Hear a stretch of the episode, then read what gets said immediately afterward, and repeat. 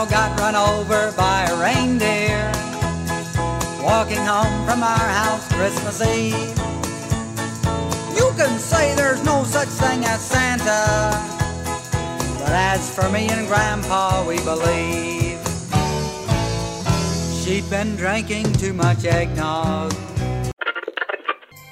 It's Christmas time for my penis. I you down when you just needed a hand.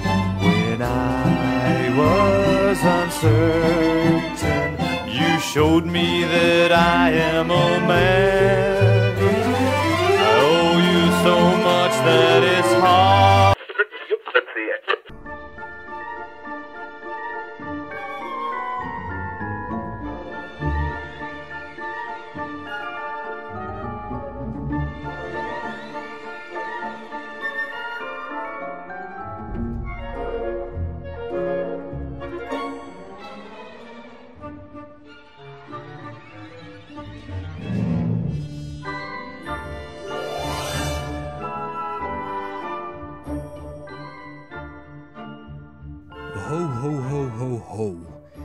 zijn de bros van Gremlin Strike Back op tweede kerstdag. Allee, wij nemen het nu op eigenlijk. eh, het is nu 25 december. Hoe laat is het? 8 uur 30 s'avonds. En eh, ja, wij nemen dit nog op speciaal voor jullie, omdat we geen vroeger eh, mogelijkheid hadden. Ehm, ja, dus Sven en Maarten zijn hier ook. Ehm, hebben jullie lekker gegeten? Een vrolijk kerstmis, man. Een vrolijk kerstmis. Dat wil Ja, ik al wensen. Sven, Maar Sven, heeft zijn eigen, Sven heeft zijn eigen een verschrikkelijk schoon cadeau gedaan. Wat? Ja, Hij heeft voor het eerst in zijn leven een Arrow-bestelling Ah, geplaatst. dacht die Ah, muts, ja. dacht die muts. eh. ja, ja, ik heb ook een kerstmuts op, maar allee, ik heb ze al Ja. afgezet, want het is veel we te zullen, warm. we zullen het niet te lang maken, want mijn familie zit beneden. En ik heb gezegd dat ze stil moeten zijn, zodat we eh, het kunnen opnemen. Ja, ze moeten eh, en stil zijn, niet naar Netflix kijken om het Ah, ja. signaal niet te verstoren. Dus het is een beetje eenzaam zonder Bart. Ah, Maar ze kunnen een kaartje leggen niet met z'n zes. dus je moet dat maar doen. Ehm, ja, eh, de laatste van het jaar, ons tweede levensjaar, loopt een einde. Eind januari bestaan we eh, drie jaar. Of, hoeveel We jaar gaan het ons derde jaar in, hè? Hoeveel jaar wordt het dan? Dan worden het twee jaar eigenlijk. Nee, hè? nee, ons derde jaar gaat in, dus we zijn Ja. dan twee jaar bijna. Ja, dus we zijn bijna twee jaar. Ik, ja. Ja. dat is raar, ik snap dat nog goed. Ja, ja. Allee, met, kinderen, met kinderen en met mensen, allee, met mensen dus, is dat logisch, maar met, met andere dingen vind ik dat altijd onlogisch. Met Dus, mensen is dat zelfs ook niet logisch, want met mensen moeten er altijd negen maanden bij tellen, vind ik. Als- ja, eigenlijk wel. Ja, Ja, eigenlijk wel, eigenlijk jawel, Jawel. Ja, dat er gemakt zit. Ja, ja. dat er gemaakt zijn. Ja, maar die vrouwen zeggen toch altijd, hè? Je hebt je negen maanden bij mij met een buik gehad. Dus dan zitten die negen maanden toch al... Ja, ja, en die eerste maand dat ze nog zuipen en zo, dat, dat, dat vergeten ze dan. Hè. Ho, ho, ho. Ho, ho, ho's.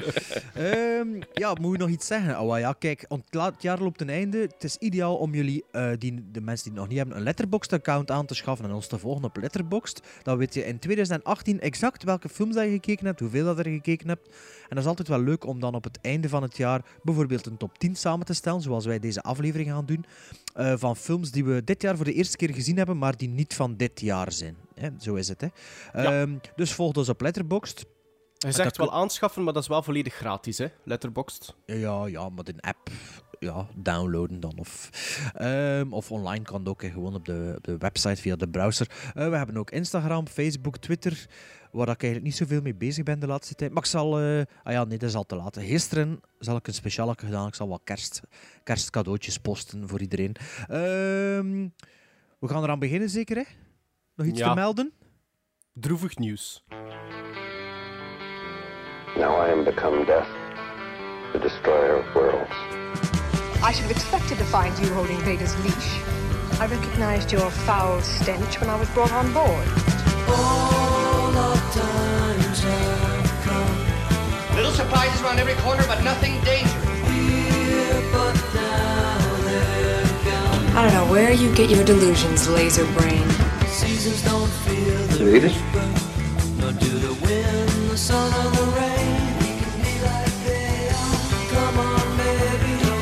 Read it? Read it? Mark van Egem. Mark van Egem heeft ons veel te vroeg op 57-jarige leeftijd verlaten. Eh, geboren in Brugge, maar residerend in Antwerpen.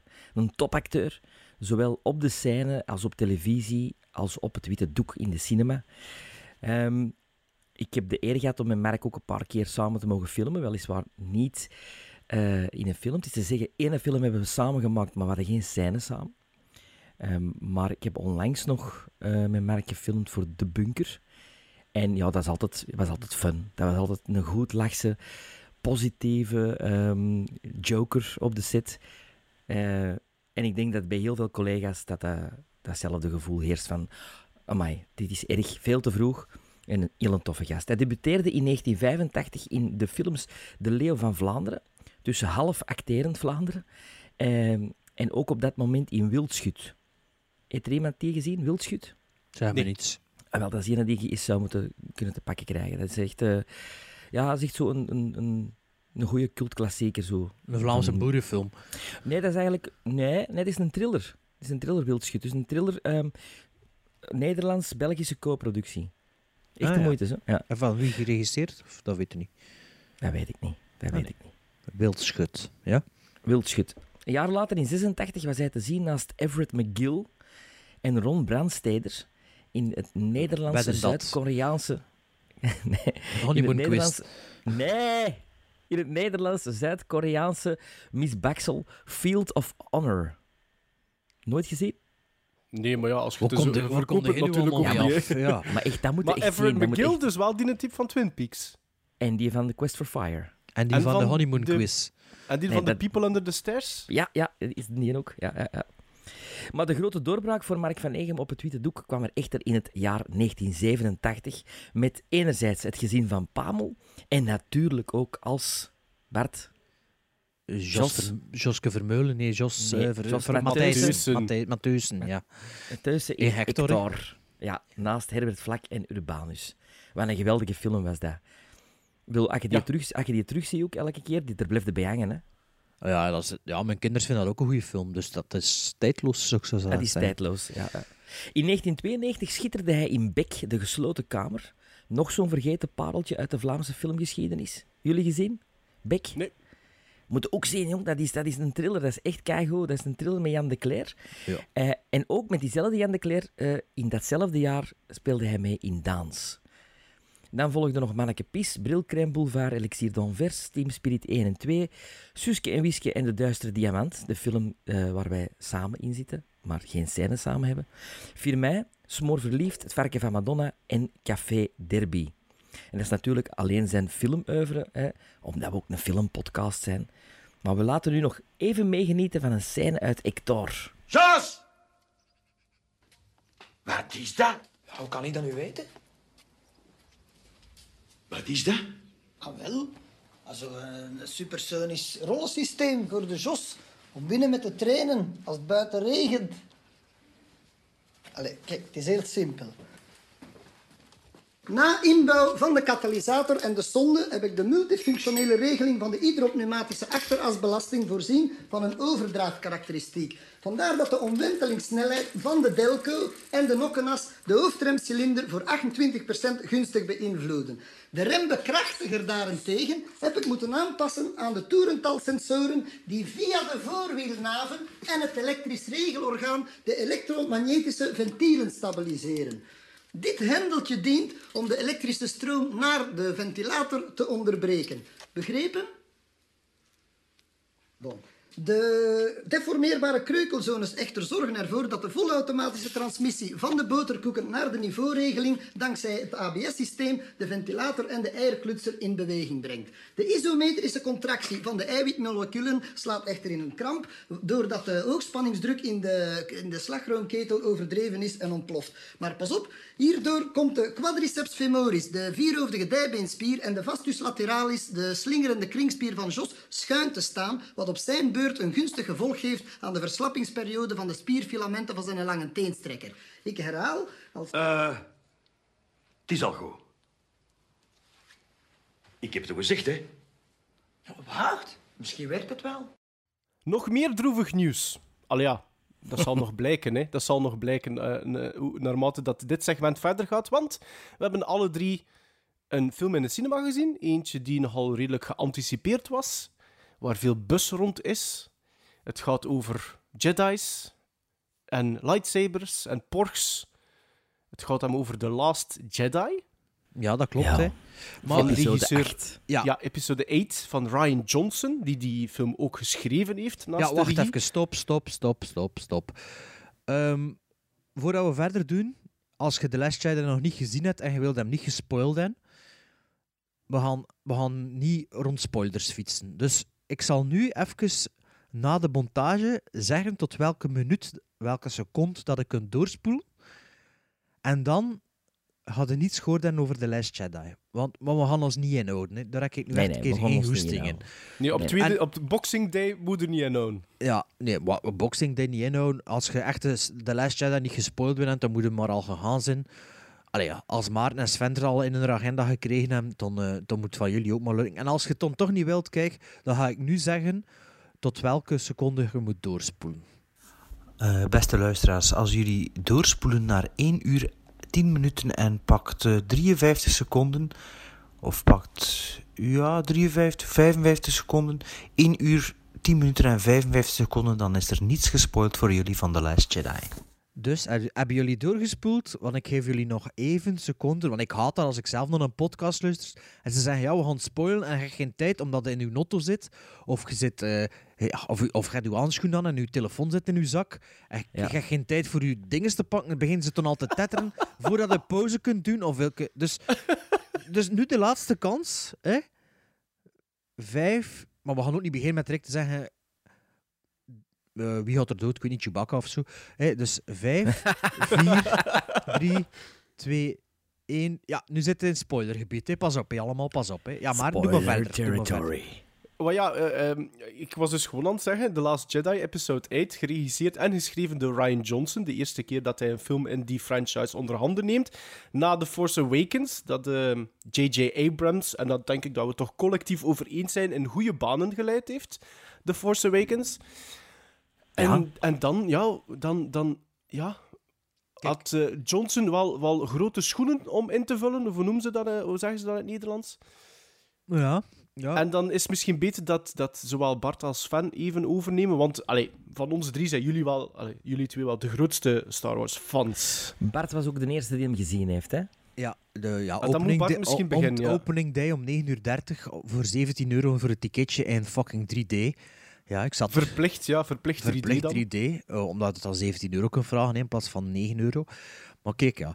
Kijk, ah, eerst en vooral zou ik willen zeggen dat ik het een beetje beu ben van online te lezen dat The Last Jedi, als je hem nu goed vindt of slecht, het is altijd, ja, maar ja, je bent een blinde fanboy. Precies, of je kunt dat niet goed vinden zonder dat er een blinde fanboy zit, of je kunt het niet slecht vinden zonder dat er een blinde fanboy zit. Ja, of je mag gewoon geen kritiek geven. Allee, Of bedoel, geen dat is kritiek zo... geven, of... Het nee, is- je het moet er niet slecht vreemd. over zeggen. Eh, we hebben daar, we hebben daar al, al een, een kleine eh, uitstap. Als we naar het... Ik mag blijkbaar ook niks verkeerd zeggen over het Marvel Cinematic Universe.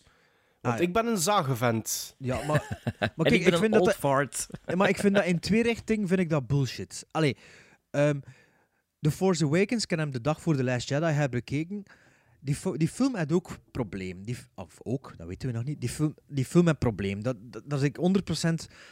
Dat is waar. Dat is een, een deels een remake, dat is een deels een best-of. Maar dat was op dat moment wel wat dat iedereen wou zien. Na die drie misbaksels van George Lucas wouden we allemaal zien van oké, het universum bestaat er nog, we kunnen het nog, we, we gaan er mee, nieuwe personages. Ja, bestaat de magie nog? Bestaat de magie de bestaat Star nog, John magie Williams nog? eronder.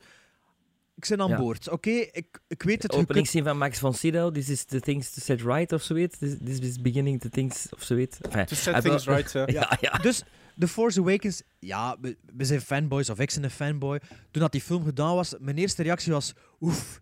Dat was oef, hè. Van, alright. We zijn Ja, terug mijn reactie was van, ge- geef J.J. Abrams een standbeeld, want wat die man doet, is nog niemand niet gelukt. Dat is een, dat is een, dat is een, een franchise eigenlijk. eh, kijk naar Ghostbusters, van die terug eer aan te doen. Ja, Ja. reanimeren, hè? Ja, Echt, dat was echt een reanimatieoefening. Of het coma halen. En ja, oké, dat waren de beats van het A New Hope. Met een beetje dit, een beetje dat. Maar, allee, het zat grotendeels wel juist de dag voor The Last Jedi. Heb ik ook The Force Awakens herbekeken. En na ook, eigenlijk. Rogue One een paar keer te zien het laatste jaar, viel me toch op dat Force Awakens wel veel beter is. Maar het was ook, moest wel, na de eerste visie had ik toch wel een paar probleempjes, maar na de tweede visie van The Force Awakens waren die allemaal verdwenen. Dus om wat te zeggen, The Last Jedi, gelijk wat ik zeg, je moet niet afkomen, ja, maar het is omdat je, omdat je verwacht dat het eh, The Empire Strikes Back 2 moest Ja, zijn. en omdat je, Nee, omdat je ze Ja, maar dat, lees ik, de dat las ik ook overal. Of dat- Maar dat las ik ook overal. Maar hoe komt het daarbij? Ook, ik, snap, ik snap ook niet... Ik snap die kritiek niet. Ja, had de Empire... Baba, nee. Baba, nee. Baba, Nee. Allee, had zijn jij zo theorieën- naar de zaal? Er zijn theorieën zijn jullie die... zo naar de zaal gegaan? Niet, Nee, toch? nee, Nee, Maar er zijn theorieën andere die vragen. zeggen dat alles, dat alles samenloopt. Hè? Dat de Phantom Menace, New Hope en Force Awakens een soort vanzelfde opbouw hebben. En dat Attack of the Clones dat, en Empire Strikes Back. dat is hè. maken met theorie. Dat is geen film maken met, met, met uw ziel of met, met, met, uw, met uw gevoel. Dus fuck die shit. We gaan hier even eh, Ryan Johnson en zijn film bespreken. En als, alsjeblieft, niet van die dwaze mails van... Weet wel... De Ja, maar ik heb op mijn trilogie- letterbox, op mijn letterbox ook één zin gezegd en ik kreeg daar de shitload van... van eh, Allee, met, allemaal met veel liefde. Hè, want ik- er waren een paar mannen die er uit- uiteindelijk zeiden van... Hè, heel veel liefde en we luisteren naar de, de Gremlin Strike Back podcast. En dan maakte alles goed. Ja, maar er zijn er echt wel... Allee, dus hoe je tegen van... eh eh, geef het maar toe. Hè, ehm, had je iets anders verwacht, had het misschien ook niet goed gevonden. Ja, Nee, het is oh, gewoon... ik heb gewoon ja. één zin gezet op mijn letterbox. Eén Kijk, zin. Kijk, voor mij, de, de film... De, de, neer- de eerste, het eerste uur was ik mee. Er zaten stomme jokes in. Er, staan, er zat een ding bij dat ik dacht, ja, ja, whatever. Er zaten dingen in die te veel voor kinderen waren, maar ik zat te wachten op de antwoorden die geponeerd zijn op de, in de eerste Ja. film. En ik Ja, kan maar- er niet over pijzen dat Ray de dochter is van, Le- van, van Luke en niet over... eh, wat is nog allemaal zo? Niet van die debiele vragen, maar er, zijn wel, er waren wel bepaalde dingen geponeerd in The Force Awakens, waar dat er een antwoord op gevraagd. En niet Onder zo andere van, de stemmen die ze hoort. ja, maar niet zo van, ja, maar ja, het is omdat iedere, iedere fanboy en alle theorieën op internet gelezen wat dat zou kunnen zijn. Ik heb geen één theorie gelezen. Ik heb geen één theorie niet. gelezen van wat dat zou kunnen zijn, wie dat Snoke is, wie de... eh allee, ik weet dat Sven daar een theorie onder had, maar dat heeft allemaal niet geboeid. Ik had zoiets van, ik zal het wel zien als de tijd er is. Maar niet als zo de, de, de tapijt van onder me trekken door, te- door, door het allemaal niet te beantwoorden en het allemaal minder belangrijk, minder belangrijk te laten lijken dan dat dat ge- gedaan wordt in The Force Awakens. En The Force Awakens bouwen ze er naar op. En toen moesten ze zo per se in het tweede deel van die trilogie alles dat opgebouwd is. Dus we zaten op het, rechte pad. We, zaten, we waren terug aan boord. Iedereen was mee met die nieuwe personages grotendeels. Iedereen was fan van Ray, iedereen was fan van Finn. Ik had met The Force Awakens het gevoel van, ja, ik wil meer zien van die Ik personages. was, fan, wil- ik was fan van Poe Dameron. ja, ik de Dameron nieuwe hand, in, in Force Awakens, dus de nieuwe hand Wow, solo. Vond die verdwijnt die en komt dan plots terug. Maar die zijn bij mij ook gegroeid. En En laten we eerlijk zijn, het eerste... Pakt, wat je zegt, het eerste uur, maar dat gaat niet, niet echt mij. Ik denk, Ja, ja, het eerste ja. half uur. Laten we Ik ook. Het eerste half uur. Half is, uur. is echt tof. En de openingsscene, eh, echt, echt goed. En je, ziet, je weet van, alright, alright, Star Wars. Toch, hè?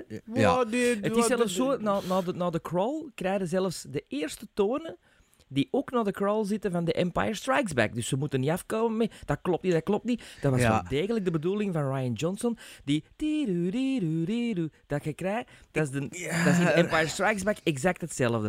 ik kan je zeggen, Ryan Johnson, hè. Die film is niet gemaakt door Ryan Johnson. Die film is gemaakt door Ryan Johnson met 20.000 produ- creative producers en tw- 35.000 marketeers en Hij statisten. heeft hem wel Maar- maar geschreven, hij heeft dat wel Ja, geschreven, hè? Ja, gemaakt. Je hebt hem geschreven. Maar er heeft duizend man over de schouder meegekeken. En er, is, er was een een of andere tweet van de marketing die zei, hier moet er nog een manneke bij. Ah ja, ja, Een iedereen porg, volgt ja, die erin. porgs. Ja, die Porsche, Ja, die dat viel Porsche, nog mee. nog, Dat viel nog mee. Ah, dat is toch puur, puur uit, Ja. tot leven geroepen voor Tuurlijk, tuurlijk, merchandising. maar het zijn er Ja, veel en- erger in die film, hè. Het zijn veel erger. Verpleegsters op dat eiland? Ja, Sorry, hè. mai. Eh, ja, maar oké, maar dat is maar geen... dus- dat- maar, maar die, die mannetjes gewoon niet verkopen, ze. Dus, dus het is slecht geschreven, hè? 100% akkoord. Ryan Johnson heeft dat dat ook. alleen Lui, geschreven. lui. Heel lui Lui. geschreven, heel slecht geschreven. En Ryan Johnson, volgens mij, had hij Star Wars pas gezien dat hij 25 jaar was of zo. Want, allee, kom aan.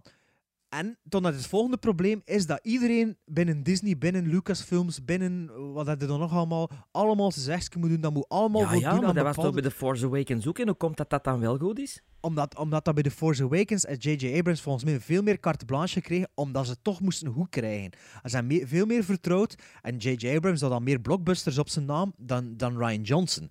Ryan Johnson is er zo bijgekomen en zijn die begin kneden volgens mij, terwijl dat J.J. Abrams veel, veel sterker in zijn schoen staat denk- en veel ja, ik meer zie het- ik dingen zie het ook zo in het genre van, Sta- van Star maar Wars. waarom dan? Waarom dan terug J.J. Abrams pakken voor episode 9 en Colin het Trevorrow eraf gooien? Omdat ze misschien gezien hebben van oei oei oei, ja, met die episode 8, we hebben toch terug de J.J. Abrams nodig. Ja, oké. Ja, ja, dat kan wel zijn. Maar ja, dat kun je na het maken van al die keuzes en al die dingen, kun je daar niet meer op teruggaan. En is zo dat je moet ingrijpen.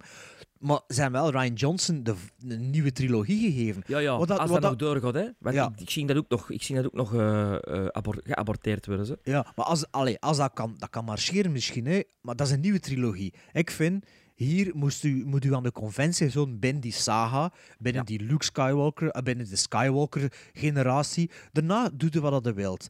Er is En- geen saga nu eigenlijk niet meer. Er is geen deze saga. episode. Allee, Nee. voor even op de fijn vooruit. Die film eindigt en ik, kom, ik kwam die zaal niet binnen van wow, hoe zou dat zijn? Hoe zou het daarmee zijn? En ze zijn dus bezig, ja, The Last Jedi, zo'n donkere film, zo'n donkere film. Donkere film, film. is niet Donkere donker, film? The Force Awakens is donkerder. Veel donkerder, vind ik. Ja. En, allee, maar ja, Maar laten we, het is, laten het is we voor mij ook te veel voor kinderen gemaakt. Het is echt een Disney-film. Het is precies de, de beats van een Pirates of the Caribbean 4 dat er naartoe aan het zien zijn. Nu moet je Doen dat we, doen. Nu doen moet we je dat step doen. by step van in het begin zo wat? Ah, Maar maar ik ga wel allemaal zo proberen in te pikken. ik ga zo proberen in te pikken op hetgeen dat jullie zeggen. Ik vond bijvoorbeeld, ik treed Sven bij. Ik vond het eerste half uur van The Last Jedi vond ik best goed buiten de eerste vijf minuten.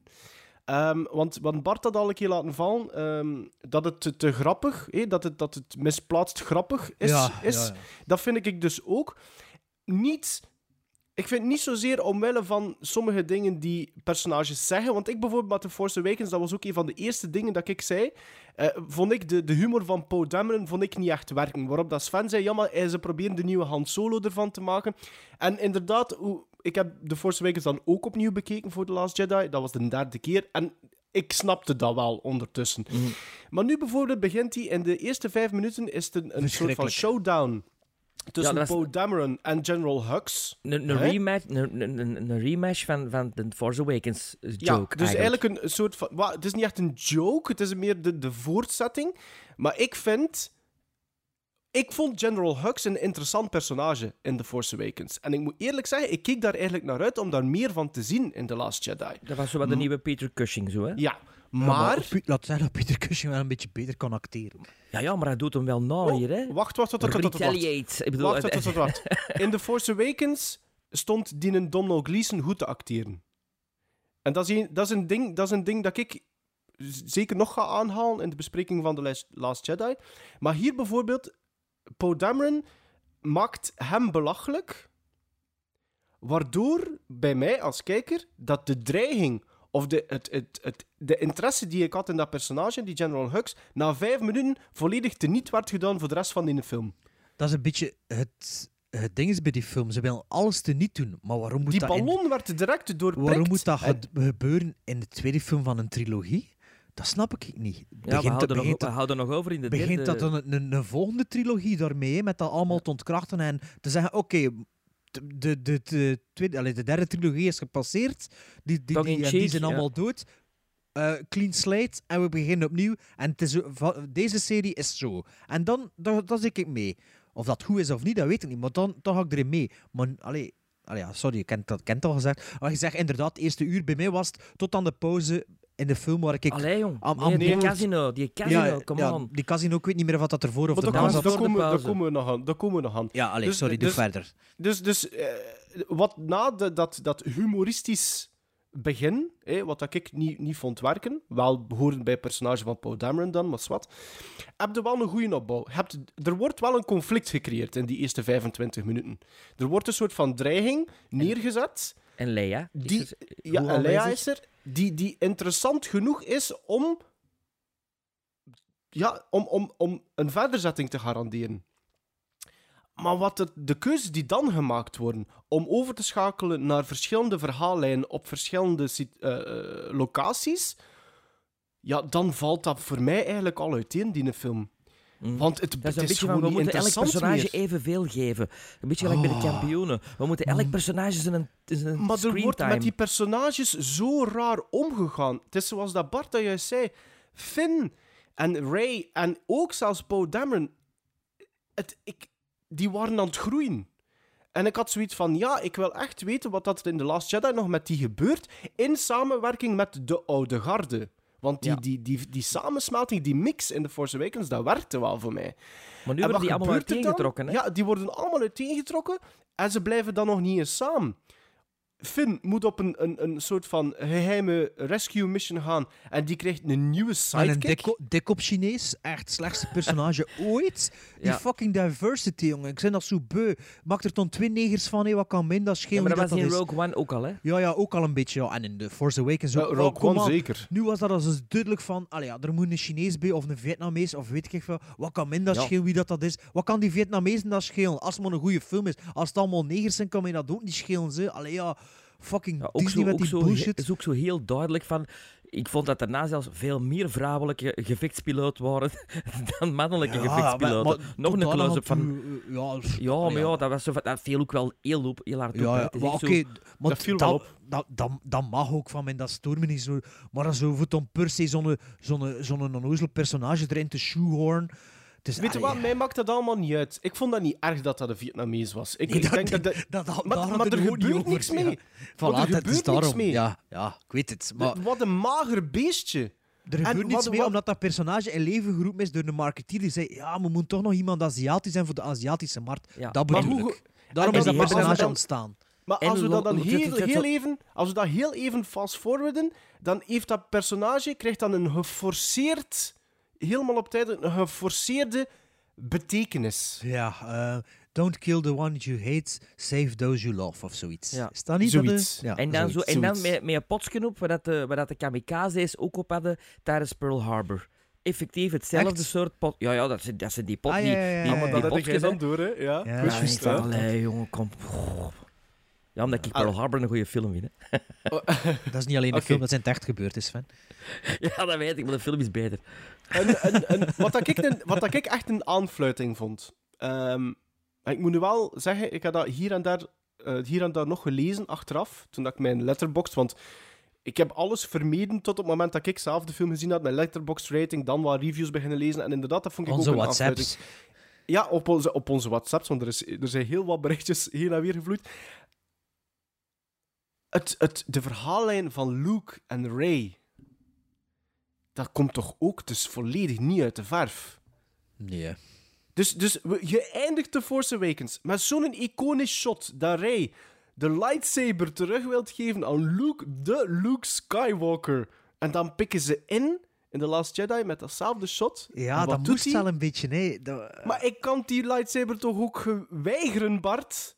Nee ja, dat, dat Ik hij, zat maar dat in hij die doet, zaal. ook staan. Wat hij doet is Ik echt zat in die zaal. Dat is Nee, dat contrast is- op het personage ook. Maar. Ja, maar ik zat in de zaal. En, en, en, en ik, was, ik was verbaasd, jong en oud. Dat was, dat was vorige maandag. Die zaal zat, zat voor 90% vol, denk ik nog. En hij pakt die lightsaber. Chans dat me gezegd dat er spoilers gebeuren. Hij pakt die lightsaber en hij smijt dat achter hem Ja, van ja, een dat- klif. dat- En de zaal begint te lachen. Ja, ja, ja, maar dat heb ik ook En genoteerd. ik... En ik zeg het, ik ben geen zo'n huge Star Wars fan, maar ik ben, ik ben bekend met, met de franchise, met de films. Ik vind dat goede films. Allee, ik vind dat over het algemeen goede films. En ik had zoiets van, maar dat klopt toch niet? Nee. Dat klopt toch niet bij dat personage? nee, zeker nee, absoluut niet. En Mark Hamill heeft volgens mij zelf ook tussen de lijnen gezegd. Hè, dat, oh dat- ja. Die dat was, Ryan- Ja, ja. allee, het is dat ik wil zeggen. Doet dat dan in een andere saga? Doet dat... Ja, maar plus, Luke plus Skywalker of is... ben, ik, nou- ben ik nou zo onnozel, maar Luke, dit is, is de lightsaber van zijn vader, hè? De, de eerste, Ja, de dat eerste van zijn in de vader. Empire Strikes Back, hè, of zoiets. Hè? Eh, ja. De, de, met de blauwe, met de blauwe, Blauwe, laserstraal. ja, blauwe laser. Maar Luke heeft in Return of the Jedi een Verloren. groene. Ja. Een groene. Hè? Ja. Waar dat hem ook, waar dat hem ook eh, Kylo Ren eh, mee wilt attackeren, is een groene. Dus hij heeft er nog één, of degene die hem kwijt is, of degene... Dat is niet die een Zit in blauwe. zijn X-Wing. Hij zit in zijn X-Wing fighter. Maar dat is niet ja. die een blauwe. Dus die een blauwe is... Hè, er werd in The Force Awakens gezegd, he belongs to, to eh, een Jedi Skywalker en, en is vader. Dus dat is van, hè, van vader op zoon. Waarom inderdaad weigert hem hem niet gewoon? Ja, dat Ja, is zo waarom- veel gracieuzer waarom zijn. hè, Dat is hij zoveel...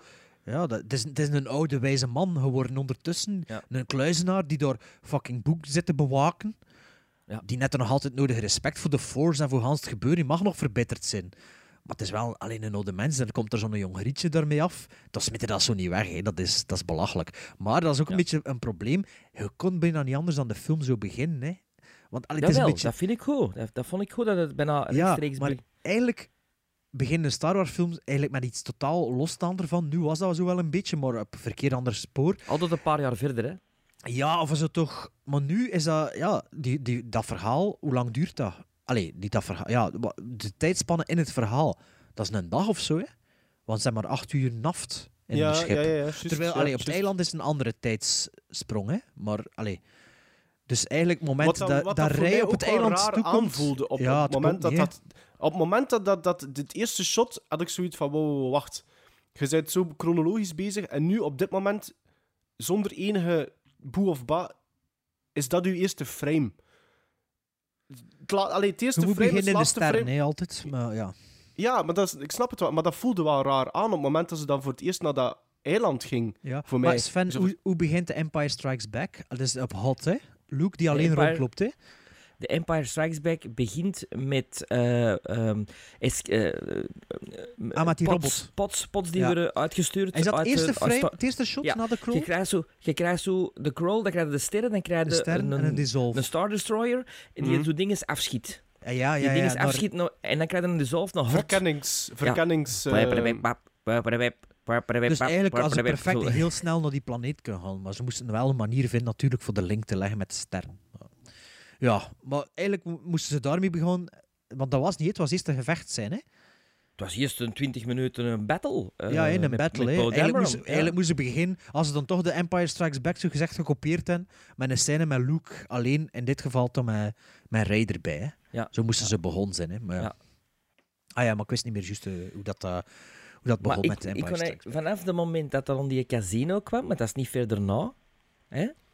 Ja, ze dat is rond drie dat kwart, dat is rond 50 minuten, denk ik. We need the codebreaker, hè? hè? Oh, are, you the, are, you, are, you the, are you the gatekeeper? No, I'm the keymaster. Daar had hij constant, hè? Zo Ghostbusters, zo. The, the, the codebreaker. Hè? Dan gaan ze naar een planeet. Vanaf het moment dat je die establishing ziet van die planeet, dacht ik van, oh fuck. Oh shit, Ja, hè, het is echt, niet waar. Het is niet waar, het is Echt, niet waar. George Lucas is terug, George Lucas is terug. Ja. Phantom Menace. Dat trok op niks. Dat trok Nee, niks. dat begint met die, boot, met die boot die dan over die waterval, zo Waterval. verder gaat. Echt? raar.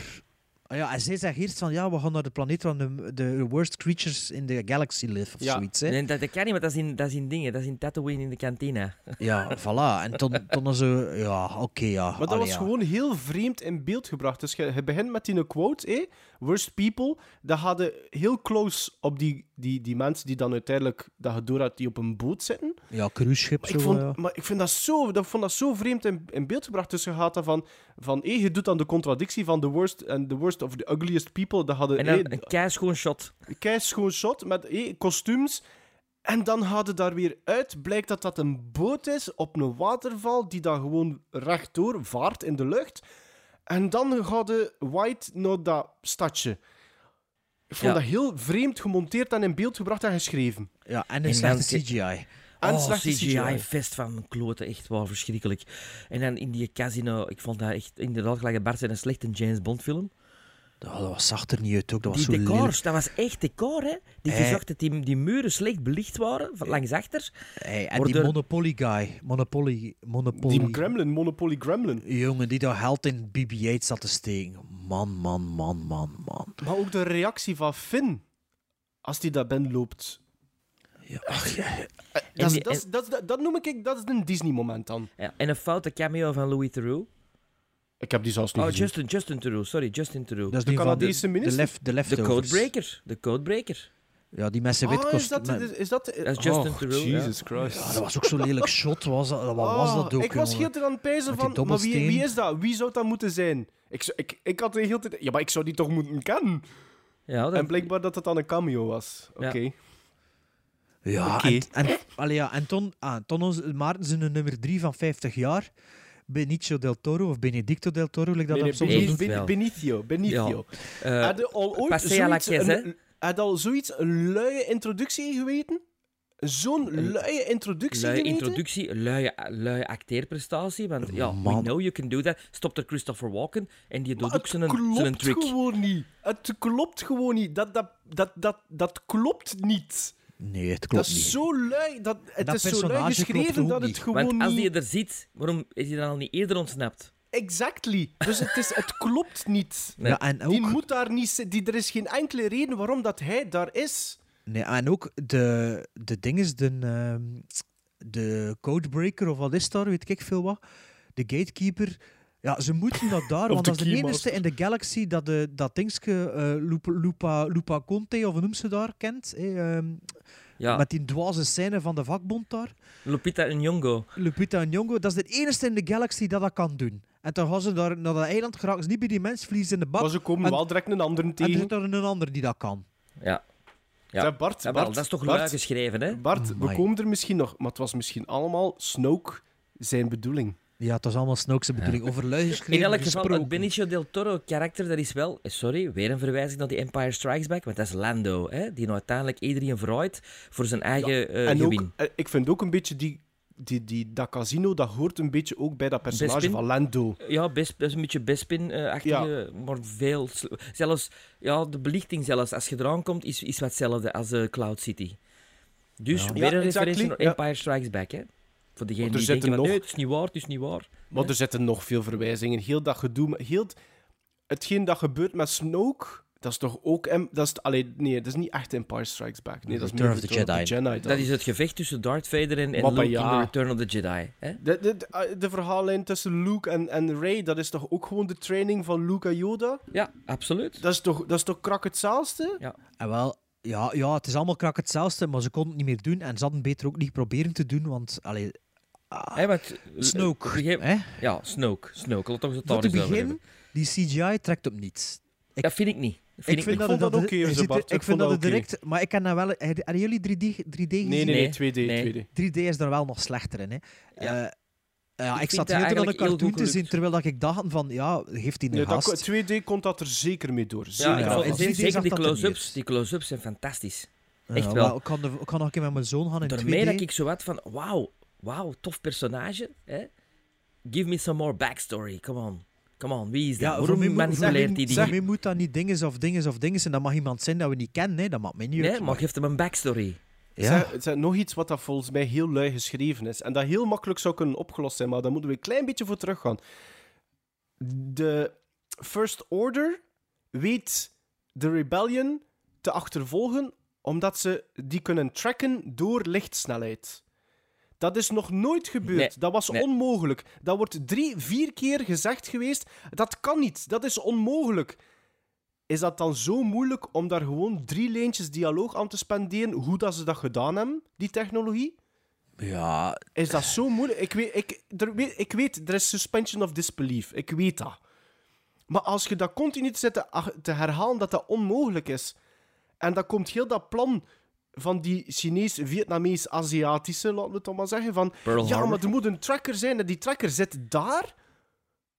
Dan heb ik zoiets van, wie zeide hij? Eén? Ja die Dat werd, is, uw, dat, dat is, de- dat, is, dat is uw vijfde zin nadat dat geïntroduceerd wordt. Wie zeide hij en hoe de weet hij dat? van de garage. Ja. En Finn, en Finn is de kuisvrouw van, van, van, de, van het schip. Ja, Finn, ja. ja. Finn was de, de kuisman en die weet dus alles hè, over de First Order en die scheem. Dat, val, dat, dat valt nu misschien nog bij mij over suspension Ja, of ja, disbelief. bij mij ook, ja. Toch zeker in The Force Awakens. Maar dat wordt nu gewoon herhaald in The Last Jedi. Ja, ja. Ja, en toen, toen hadden de, de scène rechtstreeks uit Spaceballs. Dat ze daar met drie aan die deur stond te prutsen, voor die, waar dat die trekker zit. Dat is toch wel Spaceballs? Ja, en dat is ook een beetje le- lethal weapon ook een beetje. Maar het is now or never dat, ze- dat hij zegt, hè. Ja. Maar jongens toch, echt. En ik, ik, in de cinema zat ik gekeken, is dat in een Spaceball scène of, of wat is dat? Wanneer dat ze daar op dat schip zitten en aan die deur ook stond te prutsen. Allee, jong. Ja. Maar, ja, maar we En waren dan- over Snoke bezig, hè? Ja. Snoke, ja, Snoke. ja. Dus waarom kan die hen manipuleren? Waarom manipuleert hij de minds? Omdat Van Ryan Kylo Ren? Johnson een slechte schrijver is en dat hij zo al die informatie aan ons moet zeggen. Want in C vond ik dat niet slecht. Ik vond dat zelfs catchy, fris, sexy. Dat, die zo, dat, je, dat, je, dat je die ziet zien, maar je ziet niet dat ze elkaar zien. En, en, Ja, Minds wat doen ze ik vond dat wel, ik vond dat goed. Ik vond dat goed. Ik, ik had Ja. zoiets van, oh, dat is Ah, leuk. Put on a Dus- shirt. Tot- Hallo. Tot... Ja, maar ja, maar ja dat, weten we nog niet dan. Dat weten we nog niet op dat moment. Ik, vond, ik, ik had ook zoiets van... Ik had ook van Sven zo van...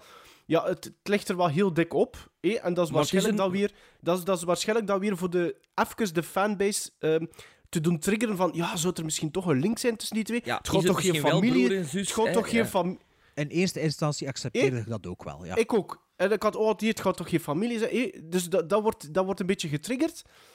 Maar dan, als Rij op het schip komt, blijkt dus, en dat is hetgeen over wat dat we het gaan hebben, dat Snoke zegt van, it was I. My, Oké. my, my, my, my. Wa- En dan? En- En, en- en dus- ILR? die- Waarom? Ja, en die net dus die kracht om dat te doen. Je bent dat nog nooit gezien in dat universum. Die net in de Nee. kracht. En wie is dat? Ja, wie is dat? Ja, Wie is dat? is- ja, dat Waar is- die dat is dus- Ja, dat is- is dus blijkbaar een supreme being die hem daar kan mee bezighouden. En het is Ja. gelijk dat Bart aanhaalt. Er is dus een scène waar dat die dus weer een, een plots Kylo Ren en Rey een connectie hebben. En Kylo Ren heeft geen bovenstuk aan op dat moment. En dus de dialoog gaat als volgt, Bart. Uh, put on a shirt. Can't you put on a shirt? Ja. Dat is dus een Grappig. supreme being Snoke die dat dus allemaal orchestreert, hè? Ja. Dus, wat ik denk, de trilogie van Ryan Johnson gaat over Snoke. Dat hij maar doet, dat is iets anders. Dat hij maar doet. Allee, ja. Is Allee, toch dat zou het logisch zijn, hè? Ah, Ja, want het is toch voor die... die eh, allee. Maar Bart, zo, voor, als jij zegt dat, dat, dat, dat Ryan Johnson, dat er continu duizenden mensen over zijn schouder hebben gekeken, dat kan toch niet enkel tijdens de regie geweest zijn? Heeft, heeft hij dan willens nellens dat script continu moeten aanpassen ook? Volgens mij Of is er te veel bl- blindelings vertrouwen in. Want Snoke is toch gezet in J.J. Abrams en The Maar Force ja, maar Awakens, weet je geschreven dus door Lawrence Kasdan. Snoke. Ja, het is dat. Waarom zit Lawrence Kasdan er niet bij? Die, dus ik heb gelezen van de week dat er dus dat Ryan Johnson zegt dat er voor de trilogie dan nu, allee, deze trilogie, geen overal arc geschreven is. Dus die is Ja, dat begonnen... net geen, dat geen die- trilogie, hè? Ja, die is be- allee, origineel, de oorspronkelijke had dat ook niet. Jawel. Maar ja, ja Jawel. George Lucas is niet beginnen schrijven aan de eerste met het idee George van- Lucas had een idee voor negen films van in de beginnen. Ah ja, ja, dat is wel waar. Juist. Maar ja, kom. Maar nu, in dit geval, dus Ryan Johnson die gaat eh 16 december 2015 naar de cinema. Die komt er buiten. Die weet een week later, je mag de volgende doen. En die begint maar te schrijven, of wat? Dat, Nee, dat snap je tuurlijk toch? niet. Ah, maar- I don't know. Dat denk Wa- ik niet. tu- Tuurlijk niet. En waarom is er Maar hij krijgt van wel die een credit. Hij krijgt wel een credit als written and directed by. Ja, maar je hebt geschreven. Hij Maar- heeft het geschreven, hè? Ja. Op IMDb staat ook alleen maar Ryan Alleen maar hem, based on characters by George Lucas. That's it, hè? Het is al dat erop staat, hè. Zelfs J.J. Abrams... serieuze niet... carte Wordt blanche niet vermeld. Ja, het is, het is Jawel, dat ik wil J.J. zeggen. Abrams als producer, executive producer. Ja, maar niet, niks te maken met, met script of zoiets, hè? Nee, nee. Allee, en ik snap toch niet waarom, ze, met al dat geld, waarom is er geen writers room die een overal arc zijn van oké, Rai is dat personage, die is afstammeling van dat, al dan niet. Die ouders zijn dat gedaan. Meer moet er niet Ja, aan, hè? die ouders, die ouders. Dat we zo'n build-up nog doen in, in, in, die, in die onder de grond scène met die spiegels, Citizen Kane-achtig. Vond ik Oh, heel ja. tof gedaan. Wow. Ja, ik vond het tof. Maar dat is een build-up nog niet. Ik vond dat wel tof. Met die knip, met die knip, knip, knip, knip, knip, knip, knip, knip. Vond dat tof. En dan denk je van, oké. En dan gaat je het soort krijgen gelijk dat Luke Darth Vader zie in, eh, op Dagobah. Hè? De spiegel, de spiegel, de spiegel. En ze zien de ragen. Want de ouders, ja, dat waren gewoon hè, dronkaards. En die- Maar ik moet wel afgehandeld. zeggen... Afgehandeld. Ja, maar ik, moet, ik moet wel zeggen, eh, Sven... Van al de, de build-ups... ehm, die in The Force Awakens staan, van wie is Snoke? Wie zijn de ouders van Rey? Wat is dit? Wat is dat? Vond ik dat nu niet slecht dat dat van Rij zo gezegd een afknapper was. Ja, maar dat vond mag dat niet zo slecht. Dat moet je zo dat niet vertellen. Dat moet je zo niet vertellen. Maar je moet het inderdaad op die Ja, manier ik verwachtte. Harrison Ford achter die spiegel. Ja, no, Nee, maar dat is zo... Nee, dat, dat, dat, dat, dat, dat, zou die, oh, dat zou ook niet goed geweest zijn. Hè. Als die ook weer zo verbonden was met iedereen. Zo. Maar waarom heeft zij dan die krachten van waar komen die? Maar iedereen had de kracht. Nee, zie maar naar de laatste scène. Ik de- daarom vind ik dat niet zo slecht, scène? omdat... Eh, die kle- dat klein manneke die die, die die broom naar hem toe trekt. Zo. Dat is geen kracht, hè? Die, die draait dat gewoon om als een soort lightsaber. Ja, waarschijnlijk wel. Die pakt Nee, dat nee, wel. nee, dat nee, nee, zweeft. nee, nee. Die pakt daar zo. Ik heb dat ook gezien. Jawel, ik heb dat ook gezien. Jawel, Sven. Ik heb dat direct gezien. Die, Hij die, dus- die, hij- die, die, hij gaan staat die dus op... bezemsteel en je trekt hem zo naar hem toe. Ja. Nee, die hij, draait hij die gewoon raakt, om. hij raakt die bezemsteel niet aan. Absoluut Dus niet. hij, hij doet dat trapje naar beneden. Hij staat en eigenlijk dan op de hij van drie. En hij komt er bijna aan, maar niet, hij komt er niet aan. Ze. Ja, dus komt hij, er doet- niet aan? Hij, hij houdt zijn hand ervoor en die bezemsteel komt terecht in zijn hand. Niet gezien.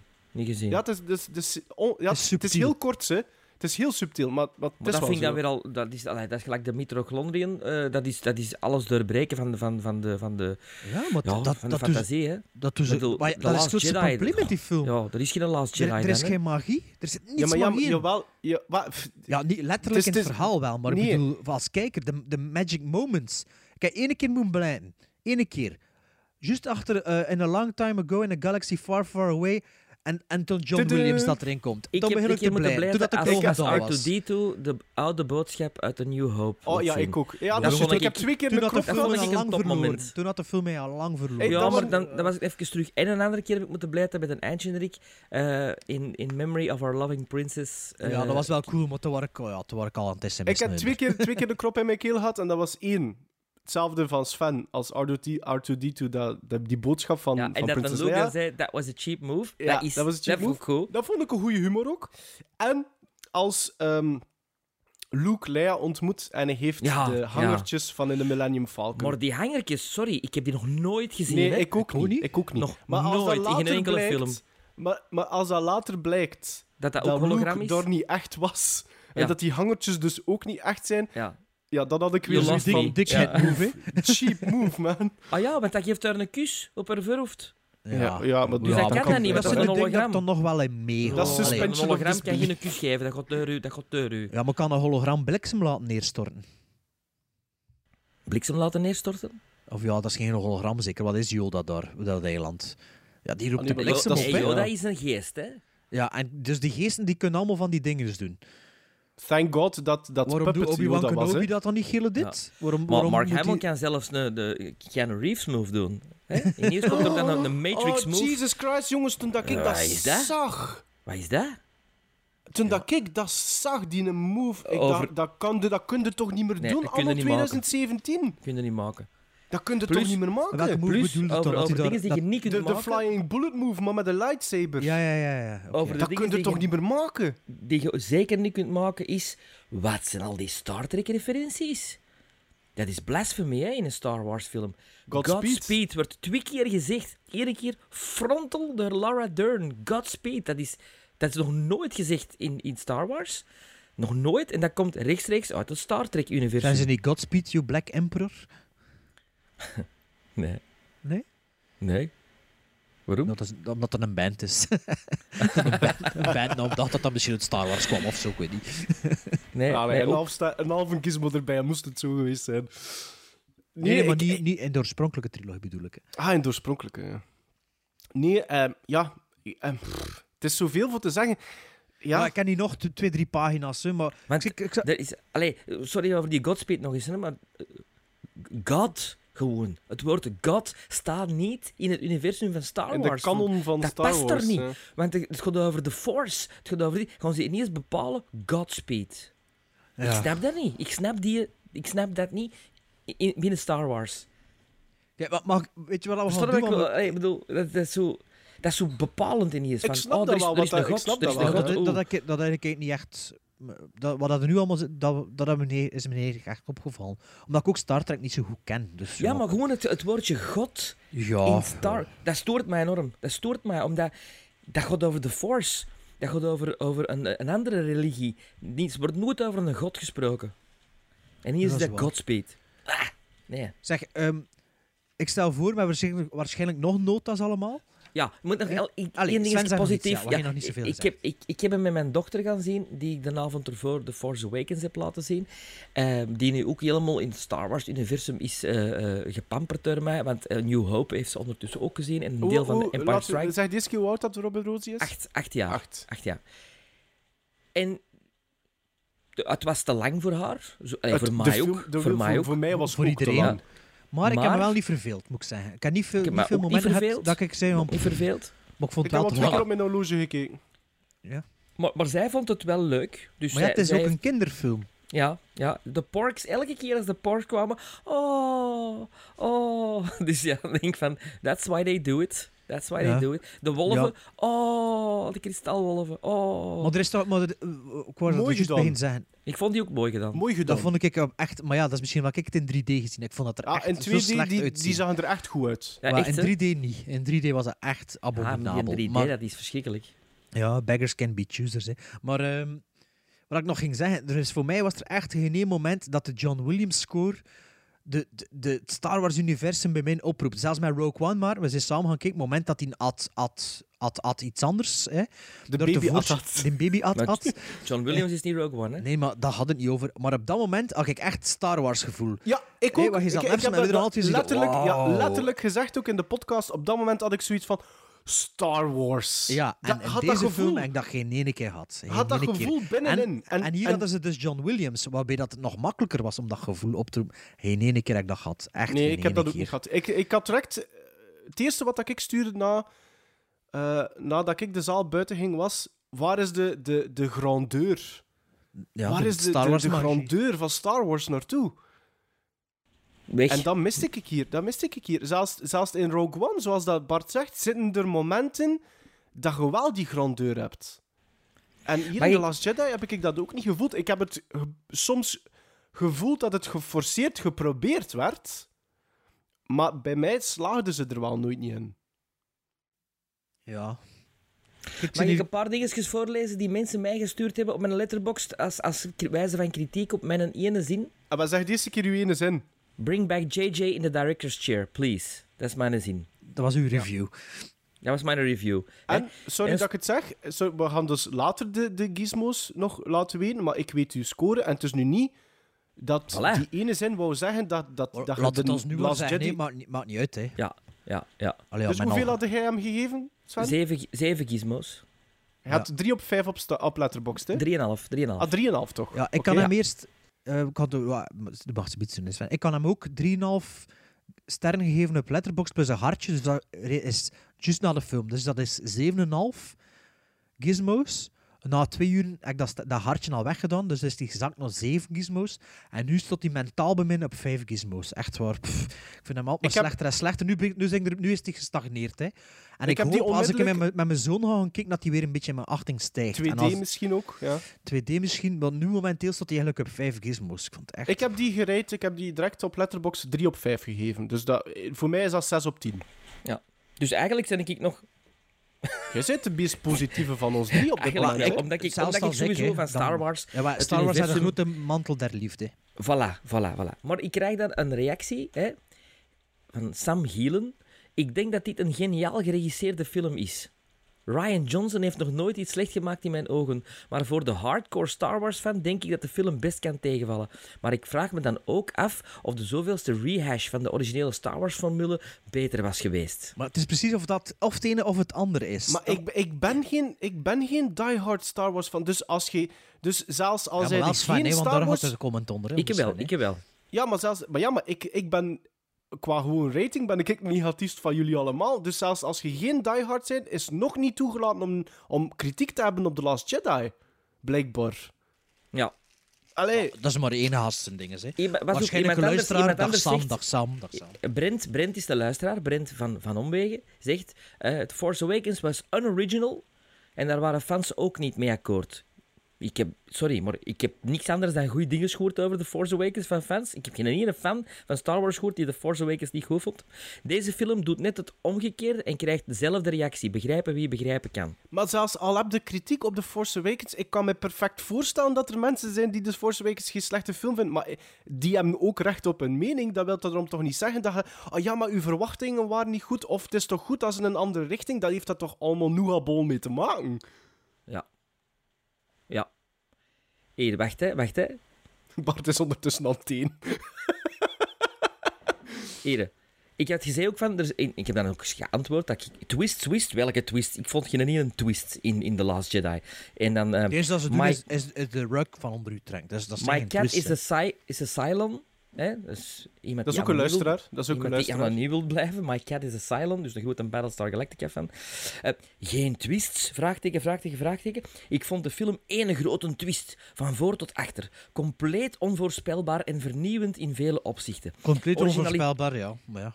Originaliteit spatten van het scherm. Ik denk dat deze film een beetje het Blade Runner 2049 probleem heeft. Een beetje te goed voor de grote massa. Daarom hoge critici scores en middelmatige reviews van het gewone volk. Maar ik vind dat van die Wacht, critici, wacht, dat snap ik ook niet. Hè. Zoveel kleine, prachtige, inventieve dingen in deze film die in een oogwenk voorbij flitsen die de film al de moeite waard maken. Cinematografisch alleen al een enorme uitschieter in de Star Wars films. Ik vind het zelfs erg jammer dat JJ terug moet inpikken. Let vond dat er heel- Sven. Let the Ik past vond go. Dat dat is er- de zin uit The Last Jedi. Ik vond Oh, dat er sorry dat ik het zeg. Die, Sorry die. dat, ik het, sorry dat ik het zeg, maar ik vind dat er heel veel lelijke shots in The Last Jedi zitten. Ja, Ja, maar er zitten ook- hele mooie... Pas op! Er zitten hele mooie shots in The Last Jedi. Maar er zitten er ook hele lelijke shots in. En er zit hele lelijke choreografie in, in The Last Jedi. Oké, maar het gewone volk... Sorry, dan ben ik liever het gewone volk. en trouwens, dat is niet waar. Ja, maar dat is ook niet waar wat hij zegt, want de, Jij de, staat het dichtst bij de mensen van ons alle drie, Sven. de critici zijn ook niet allemaal even positief. Hè? Ja, maar de, de, de tendens is wel heel positief en dat vind ik wel Ja, maar hè. ja, wacht, wacht nog een keer twee weken. Is dat niet altijd zo? Wacht nog een keer twee weken. Ja, Blade Runner was twee ook zo. weken uit, hè? Ja. Ja, ik, zou waar, nog even, ik zou er nog even mee wachten. Maar let the past die, hè. Kijk, ik ben iemand, fuck tradities en al die shit. Ik ben al twintig jaar vegetariër. Iedereen zit erover te zagen tegen mij. Alleen iedereen ondertussen, maar weet je, dat kan mij allemaal niet schelen. Verandering, dat mag en alleen, je bent wel in een bepaalde trilogie van een bepaalde saga bezig, waarin dan de Skywalkers allemaal nog een belang hebben en zo. Dan moet je de pest niet laten doodgaan. Dan moet je gewoon tot de laatste, tot de laatste half uur van die film moet je dat vasthouden. En moet je niet niet al naar iets anders begin bouwen die er nadien gaat komen. Dus gewoon, nu is het nog even over hen en dan doet wat je wilt. En, Een van de- en, een van- en dat is ook wat Kylo Ren zegt, let the past die. Is die gast niet mega geobsedeerd door zijn grootvader? Dat klopt toch ook niet trouwens? Dat klopt niet. Nee, nee. Maar Ik Adam vind ook een beetje- vind ik wel een van de beste onscreen eh in... dat ging eh, ik nog zeggen. Dat ging En ik nog Mark zeggen. Hamill en Carrie Fisher. Laat ons eerlijk zijn, de oudjes redden de meubels een beetje, samen met Adam ik Driver. vind, ik vind dat je wel... Allee, als je dat... Als je dat puur op acteerprestaties bekijkt... En de cast is voor 80% hetzelfde van The Force Awakens. Dan leid ik af, puur door The Force Awakens en The Last Jedi, dat J.J. Abrams een betere acteur-regisseur is dan Ryan Johnson. beeldregisseur ook, zeg. Ja. Like dat is echt Want je choreografie voelt, je voelt dat iedereen van die nieuwe personages precies verloren loopt. een, een, een, maar, maar ook link aangemoedigd wordt om er om Beetje ietsje meer, ietsje Ja. meer. En Geef in mij het Star Wars meer. universum wil dat al iets zeggen, hè. Overacting. Ja, geef mij, Mark- dus precies, geef mij ietsje meer. En dat had ik dus direct het gevoel als ik Domhnall Gleeson zat, zag in de eerste vijf minuten van The Last Jedi. Wow, wat is er met u gebeurd? Maar Mark Hamill is een betere acteur geworden met ouder te worden. Ja, ja, dat is waar, dat is Ja. waar. Dus, maar, en dan ook de grootste spoiler van allemaal, zal ik dat nog maar zeggen. Als je weet, tijdens de montage, dat uw hoofdrol voor de episode 9, Carrie Fisher, Ja, in de grond, ja, dat dat die ik sterft, genoteerd. waarom laat hij dan op het einde van die film Luke ook nog sterven? Dat snap ik ook niet. What's Laat, left je kost dat nine? gewoon perfect weggeknipt. Hè. Nee, Laat hem daar zweven, geknipt weg. Laat Luke hem op gewoon zijn eiland. zwevend zitten. Ja. Laat hem Zit zitten, zwevend. En ze gaan ook, eh, zijn dus niets aan het scenario van de montage aangepast, eh, met verband tot Lea. Hoe was, dat, hoe was die film, hoe was dat begin?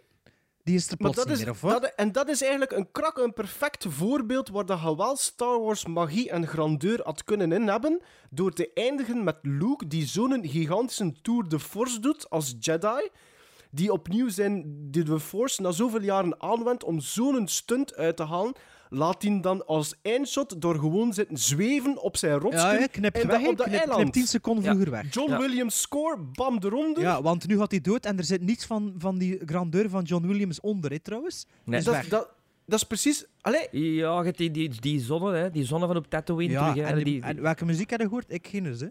Jawel, jawel. Het thema van Luke dat hem de eerste keer op een Ja, op de berg stond. Hè. Ja, oké, maar bedoel, niets zo van, wow. Niets, hè. Geen magie. Fuck, fuck, fuck The Last Jedi. Echt waar. Oké, ik heb een nieuwe titel voor The Last Jedi.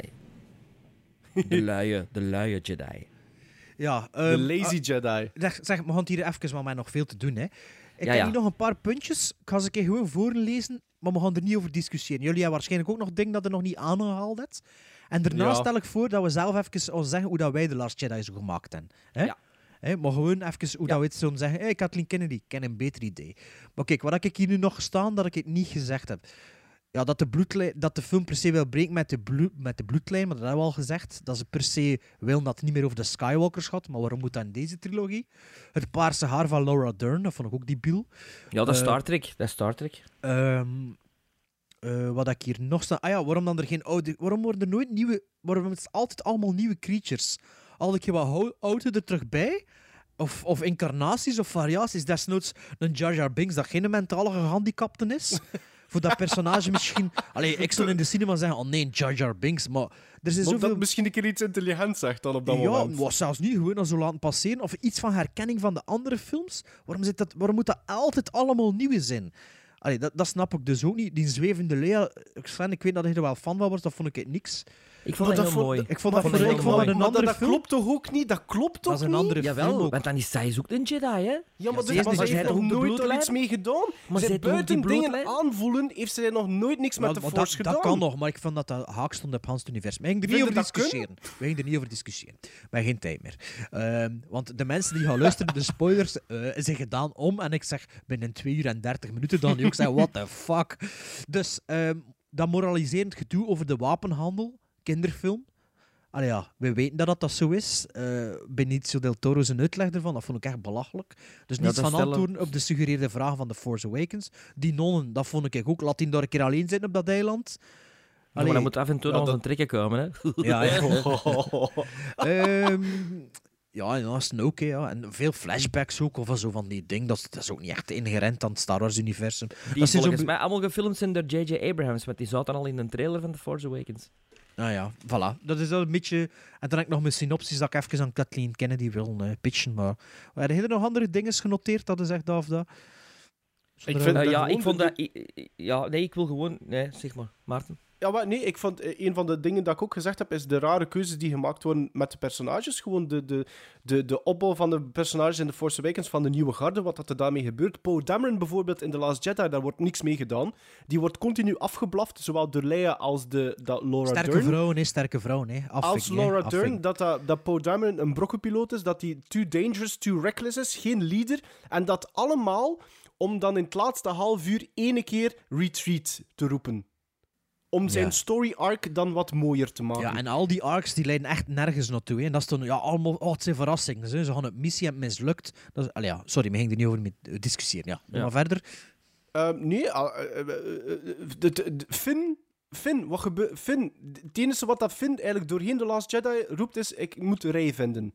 Ja, het is een handicap. Waarschijnlijk That's van in, van in dat pak daar te zitten met dat water. That's, that's it. Eh, ik moet Waarschijnlijk Rey wel- vinden. Ray, Ray, Ray. I need to find Rey and, and we need to make sure that she's safe. En dan op het laatste ontmoeten ze elkaar en een knuffel en that's it. Dus dat was zijn story arc. Dat is, dus, eh, dat is gewoon de story arc van Finn, hè? Ja, Oké, hij probeert hem dan op het laatste wel op te offeren voor de rebellion, sorry. ja dat had hij Maar beter dan, en, gedaan. dan, en dan komt ons Aziatisch meisje ten tonele weer. Hij had beter, hij had beter in, die, in die schacht gevlogen. Maar er gebeurt niks met vanaf. Finn, hè? Er gebeurt niks met Finn, er gebeurt niks met Poe. Ray, had Ray- ik ook meer van verwacht. Ja, die, ja, dat is jammer, hè, dat potentieel dat opgebouwd is in The Force Awakens, zowel van personages, alleen nieuwe personages en ehm, eh, historie binnen het universum, wordt er niets mee gedaan. Ik moet eerlijk zeggen, het, The Last Jedi had voor mij moeten gaan rond Snoke, Ray, ehm, Kylo Ren, En dan gebackt natuurlijk door Luke Hamill, die een veel grotere rol... Hè, die, Luke Hamill. grotere rol. Luke, allee, Luke Luke- Hamill, eh, cool. Mark Hamill, Luke Skywalker en, en Leia, obviously. Ja. Ja. En wat ik graag had gezien, als je dan toch een build-up wilt hebben op de 9, is dat Ray de hand van Kylo Ren pakt en zegt: Yeah, let's rule this fucking galaxy together. Of dat, Bam! Bam! of, of dat, dat Snoke een, toch een veel betere backstory krijgt. En dat er tenminste een echt gevecht wordt tussen Ray en Snoke. Dat had Kijk. ik ook wel willen zien. Weet je dat ik de film zo gemaakt heb? Ik vind, ja, je moet Kom natuurlijk... op, de Duitse... Een paar tropes, hè, dat een beetje... Allee, je moet binnen het, de, de, de lingo blijven, je moet binnen het universum blijven, maar dat moet niet altijd in de ruimte gevechtje, daar een gevechtje, daar een gevechtje. Je kunt dat ook een beetje opbreken. Ik zou een Star Destroyer laten crashen op een planeet in een achtervolging met de Rebels, waardoor dat er een soort oorlog ontstaat voor, op voor een aan alle twee onbekend terrein. Ondertussen kreeg dus, eh eh, hoe noemt ze daar? Eh, Ray. Ray. Ray Training. wordt zo wat opgeleid door, door Luke Skywalker, die niet mee had. Naar analogie een beetje met Yoda. En hij is er wel wat probleem mee, maar ondertussen ziet hij die er trainingen. En komt ze toe op die planeet voor te helpen. En op hetzelfde moment Kylo Ren. Die eventueel ook een training gekregen heeft ondertussen van eh dingeskus, Snoke. En dat er dan een gigantisch gevecht ontstaat op die grond, waar dan er bij beide partijen veel slachtoffers zijn, maar ook bij de, bij, de, bij, de, bij de First Order. En ja, laat dat daar zo wat uitvechten. En wel wat dingen in de ruimte ook, maar laat er, maak er een soort oorlogsfilm van binnen het Star Wars-universum met die Force en niet met een planeet die kapot gaat, maar echt gewoon ja, overleven. Want op zich, de naft die op is, maakt dan een noodlanding. En, of, en, en de Star Destroyer die volgt en crasht, of weet ik veel wat. En als je dat zegt, Bart, als je dat zegt, dan zie ik al één grandeur shot voor mij. Luke Skywalker, het symbool van de hoop, die daar op een gegeven moment ook komt en nog de overlevenden voorgaat. Ja, oh, ja, de leader, de zo- leader. ja. Zoiets. Hè. En weet je wat, maakt, dus, maakt er dan wel een supervillain van, van Kylo Ren. Laat hem zijn moeder vermoorden. Hè. Ton, want dan is elke kijker van, wow. Hij is zijn vader ja, vermoord, nu doet hij zijn moeder tot en dood. toe, hè. Ja, voilà, nu villain zijn tot- moeder ja, tot en vermoord. met. Die is tot alles in staat. Dat is wel iets gedaan. wat ik, dat is wel onder- iets wat ik nog wou zeggen van die Kylo Ren. Want The Force Awakens, ik, ik had daar een beetje een probleem mee met, met Kylo Ren als personage, die, die niet genoeg zwaartekracht had voor, voor Han Solo, zijn vader, dan te vermoorden. Ehm, wat vonden jullie daarvan? Maar voor mij blijft dat status quo doorheen The Last Ja, Jedi. Want het enige wat je van iedereen hoort is, he's still conflicted. Ja, en wat is Normaal ik zeg? Als dat ik hem zou conflict- maken, hè, als ik dat hem zou conf- maken... dat- zeg maar, eh, dus één, dat conflict was normaal gezien weg door de vadermoord. Twee, Snoke, de allerlaatste zin van Snoke op The Force Awakens zei van Bring Kylo Ren to me, it's time to fulfill his training. Ja. Wat is er dan mee gebeurd in The Last Ah, wel, Jedi dat- met zijn training? Maar dat is die Last Jedi dat ik ging schrijven, hè, maar ja, mocht niet. En eh, daar ging dat dan in en, zitten. en voilà, en het enige wat ik hoor, zowel van Snoke als van Rey, is You are so conflicted, I can still feel the conflict inside of you. Can, Kathleen Kennedy, can, I, I, can I have another suggestion? I had uh, two ideas for uh, the last thing. Dus ofwel doe de, eh, maakte Kylo, eh, Kylo Ren de supervillain door hem zijn, eh, zijn moeder ook te vermoorden. Ofwel zorg je dat er in die training met die Hux iets gebeurt, waardoor dat hem de hyper, hypervillain wordt en dat Kylo Ren zich aansluit bij de anderen, eigenlijk het, het zelfbehoud, het zelfgemak. Het, het, het, om wraak te nemen op de First Ja. Order dan ook, Ja, eigenlijk puur. en dat zo, en dat zo. En dan maakt dan van die Hux, zet er een masker op, doet daar iets mee dat hij er niet zo belachelijk uitziet. Maar nu kan dat niet meer. Nu En dat gaat dat allemaal niet meer. Want zijn En- pers- de, de Dus story ja, dat arc is een van Hux beetje is weg. Wat ik...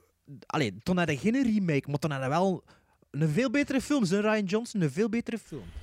Maar hij had ook Ja. ideeën, hè?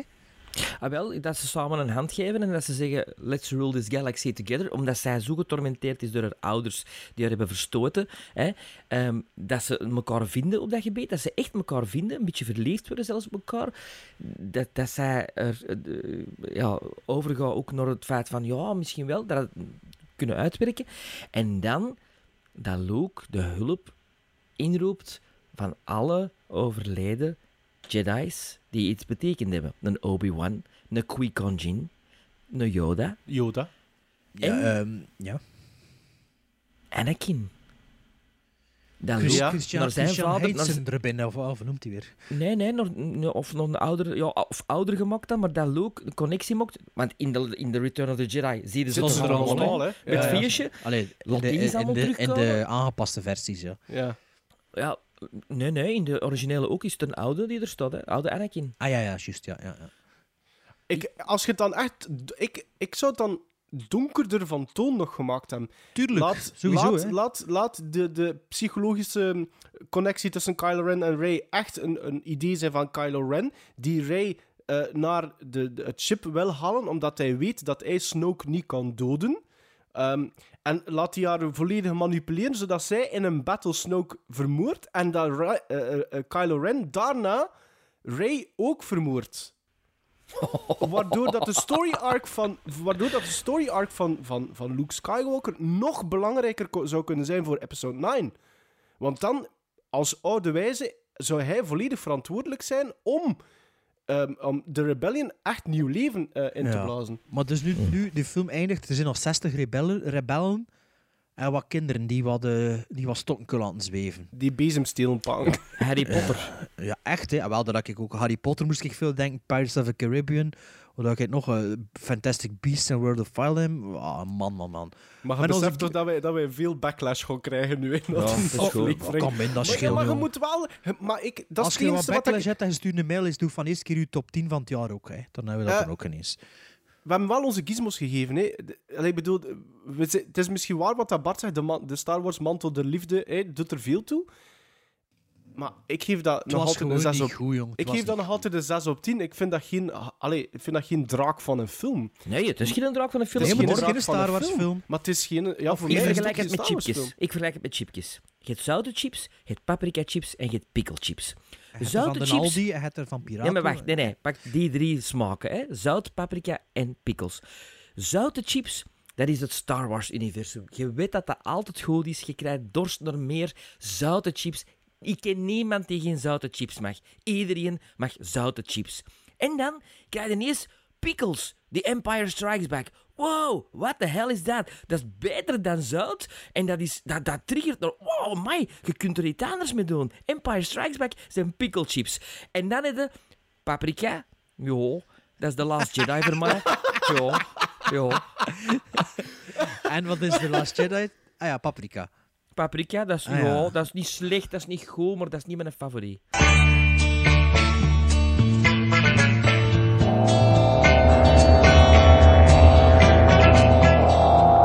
They wanted to see something different, but something different saw them first. The hills. alive with the sound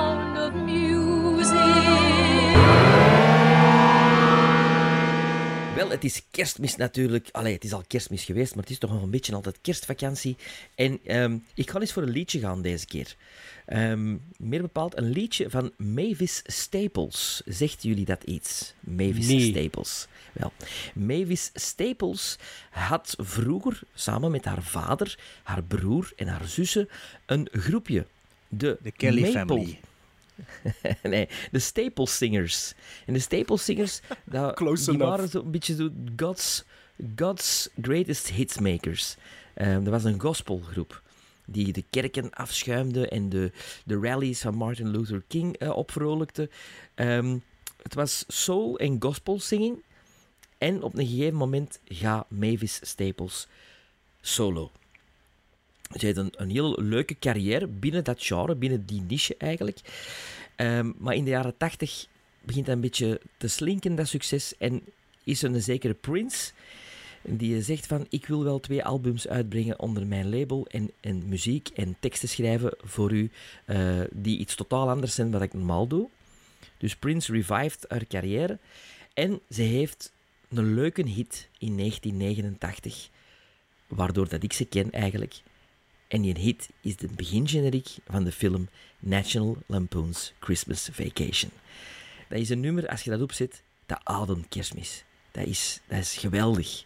De, de National Lampoon Vacation films ehm, die zijn begonnen in 1983 met de National Lampoon Vacation met Chevy Chase en Beverly D'Angelo als de Griswolds. Ze hadden dan ook nog de European Vacation in 85. Dan hadden de Christmas Vacation in 89. De Vegas Vacation in 87. Een kleine kortfilm Hotel Hell Vacation in 2010. En Vacation, de, de reboot eigenlijk, in 2015. Maar die Christmas Vacation, dat is toch een heel toffe. Dat is een hele... Ja, die, die kun je elk jaar rond deze periode terug opzetten. Er is ook nog een vervolg geweest, straight to DVD, Christmas Vacation 2. eh, Cousin Eddie's Island Adventure. Ehm, niet zo geslaagd. Maar dan deze, correct me if I'm wrong, Bart, dat is toch ook een van uw favoriete kerstfilms, hè? Ik heb die vorig jaar voor de eerste keer gezien. Dus niet echt. echt? Ja, ja, ja. Ik heb die nog Ah, nooit gezien. Oh, Ah, dat het is moment, leuke. Het is moment, Dat is echt een leuke. Dat Als mannen van het volk. Ja. En dit is dus eh, Christmas Vacation, the song.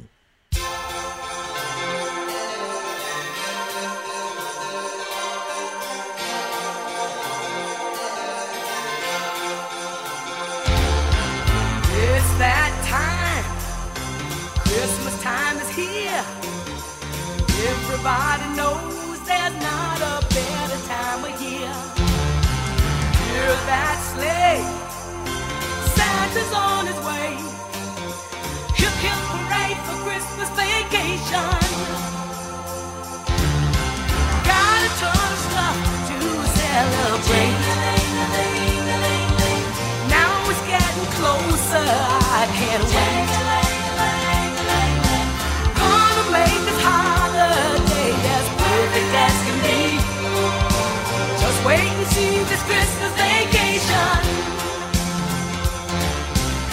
This old house sure is looking good. Got ourselves the finest. 1, 2, 3, 1, 2, 3, 1, 2, 3. Que pendant-tu Depuis le temps que je te connais, je lis sur ton visage.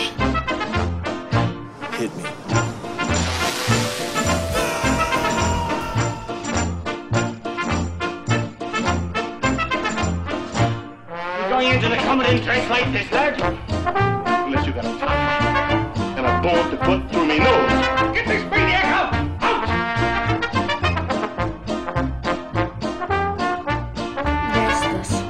Ist nicht unser Mama.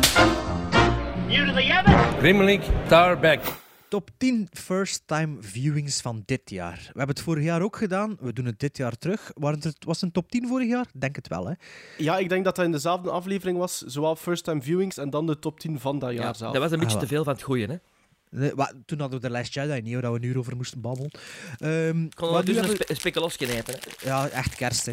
Ehm, we gaan dat. eh, dus nu doen we gewoon de, de tien beste films die wij vinden. Die, de tien films die we individueel gezien hebben voor de eerste keer in 2017, die niet van 2017 zijn. Ja. Of die ook niet in 2017 in de Vlaamse of Belgische cinema gekomen is. Een beetje. Het is Ja, altijd zo. ja. 2016 is altijd zo wat moeilijk. Wanneer is die uitgekomen? En, eh, Ja, je moet altijd de release date een beetje in de, ja, in de dat is zo. Dus eh, onze tien favoriete films. Dus ik denk dat jullie eigenlijk 30 aanraders gaan krijgen van ons. Dus ik hoop dat je er al een hoop van gezien hebt, want anders heb je veel inhaalwerk. hè. Tenzij eh, ja, dat er dingen zijn dat we het al over gehad hebben, dan hebben ze het misschien al gezien. We zullen zien. Dus 10 films, 30 films, die we allemaal dit jaar voor het eerst gezien hebben. Nee, elk 10, je snapt het wel. Sven, als je mond leeg is, je mag beginnen. Nou, het is goede speculas. Mm. Ja, ze ziet er zo niet uit. Jawel. Tegen u. Ja. Oké. Maar stik met uw mond vol, maakt niet uit. Hè. Mijn nummer Bart, 10. Bart, Bart doet dat ook. Mijn nummer 10 is een film van 2016 die ik dit jaar heb gezien. De hoofdrol is voor de altijd geweldige Tom Hanks. Ah ja, ik weet het al. Hij het er vorige week ook over gehad. Nee, want die is van 2017. Sorry. Ja. A Hologram for the King. Ah ja. Van dezelfde schrijver als The Circle. Oei. Ja, The Circle heb ik niet gezien. Oh, wat, die kreeg Maar toch slechte Die reviews, krijgt maar... bijzonder slechte kritieken. Ja. Eh, nog niet gezien. Ja. Tom Hanks zit er ook in. De Hè, dus scenarist of de schrijver van de Circle? de schrijver van het boek. Van het boek. Ah ja, ja, ja. Ja. Maar A Hologram for the King is een heel klein filmpje over een gast die eh, ehm, een opdracht moet vervullen in een of ander eh, eh, Arabisch land. Als soort van eh, ja, een fabrieksje moet gewoon leiden daar. En de cultural, cultural clash tussen wat dan een Amerikaan vindt dat eh, eh, business doen is en wat dat, eh, die mannen ginder denken dat business doen is, alles op het gemakje en, en als, als, als het uitkomt en het is morgen niet, is het volgende maand. Dat, komt er, dat is eigenlijk een soort mini-comedy eh, in dat gegeven. Maar ik vind dat prachtig gefilmd en, en, en schitterend gespeeld door Tom Hanks. Ja. A Hologram for the King. Wie doet een kleine mee? Niemand van... Tom Hanks. Niemand van belang, eigenlijk, ja. ja. Tom Hanks, ja. Ik heb die Ja. volgens mij opgenomen op mijn digicorder, denk ik. Maar ik heb nog niet gekeken. Oftewel is Larry Crown. Ik sla ze altijd door elkaar, om een of andere reden. Oh nee, ja, niet om, een, om Tom Hanks eigenlijk, maar... ehm, ja, Maarten heb je ook niet gezien, Hologram for the King. Nee, nee, niet gezien. Nee. Nee, misschien een keer opzetten, maar ja, ik ga dat nu waarschijnlijk twintig keer zeggen, hè, maar dat is wat, ja. Eh, Maarten? Eh, ja, op, ehm, ik ga beginnen door te zeggen dat mijn top 10 first-time viewings redelijk makkelijk was. En ik denk dat mijn top 10 van 2017 ook zo gaat zijn, want ik heb fantastisch goede films bekeken. Eh, ik ga nog meer zeggen. In mijn lijstje van top 10 staat er geen één film die ik minder dan 4 op 5 op Letterboxd gereid heb. Bij mij ook niet, trouwens. Dus op nummer 10 eh, staat een film uit 1988 die ik voor het eerst deze zomer bekeken heb. En dat is eigenlijk enkel puur en alleen te danken aan Bart de Duitse, die een gesprek had met de hoofdrolspeler in zijn eh, summer special. De beste Namelijk- aflevering ooit, zei er iemand onlangs zeker, via mail? En, ja, ja, ja, het gaat hem over The Vanishing, eh, of ehm, eh, Spoorloos, de originele Nederlandse titel, uit 88 van Georges Sluizer, met Jeanne Bervoets, Johanna Terstegen en Bernard-Pierre Donadieu. Ehm, heel kort, het gaat over Rex en Saskia, een koppel eh, die wat strubbelingen hebben. En die gaan op vakantie. En tijdens een tussenstop aan een tankstation wordt Saskia ontvoerd. Rex, het, eh, Rex's zoektocht naar haar wordt een ware obsessie. En na drie jaar krijgt hij plots een brief van haar ontvoerder. Ik wou die al lang zien. En nadat ik die bekeken heb, vind ik dat een van de beste thrillers die ooit gemaakt is. Allee, joh. Ja. En ik vind het bijzonder, jammer dat er in 93 een remake is gekomen met Kiefer Sutherland in de hoofdrol, ook geregisseerd door Sluizer. En ik heb pas schrik dat hij de reputatie van die originele film wat besmeurd heeft voor mensen die misschien, en ik bedoel dat niet negatief, misschien niet willen verder gaan op, of dieper willen ingaan op, op, op een film bijvoorbeeld. Ehm, maar ik zou die iedereen met heel veel warmte aanraden om spoorloos te bekijken. Iedereen, het is wel geen film voor iedereen, denk ik. Nee. Ook, qua stijl, hè, van vertaalstijl en zo. Dus... Nee, maar net Maar als je naar ons luistert, naar onze podcast luistert, heeft het een kans. En, en, en alsjeblieft, denk niet aan, aan de remake, waar dat er nog duidelijk zoveel de mensen die die Ik denk dat wel. Ik denk Ja? dat wel. Maar ja, Oh, Kiefer... Dit is die 80s, hè? Jeff Bridges, Of net, Sandra nee, de 90s, ja, voilà. Jeff Bridges, Sandra Bullock, Kiefer Sutherland, die, dat waren, die waren hot hè, op dat moment. Ja, maar ja, bedoel, ik denk dat onze demografie wel iets jonger is dan ons. Zijn niet veel mensen die film Maar kennen. dan nog, hè. Maar we willen jullie niet onderschatten of overschatten. Hè. Ja, ik bedoel het ook niet negatief, maar Nee, nee, nee, ik weet het, ik weet het. als je kunt, bekijk Spoorloos uit 88. Oké, mijn top 10. ehm, mijn eerste paar films heb ik een klein beetje gecheat, omdat ik verschillende films met dezelfde quotering had. En ik heb een beetje geselecteerd op wat, wat dat er misschien interessant is om hierover te hebben, of waar, waar we het nog nooit voordien over gehad hebben, of denk ik, ik weet het ook niet allemaal.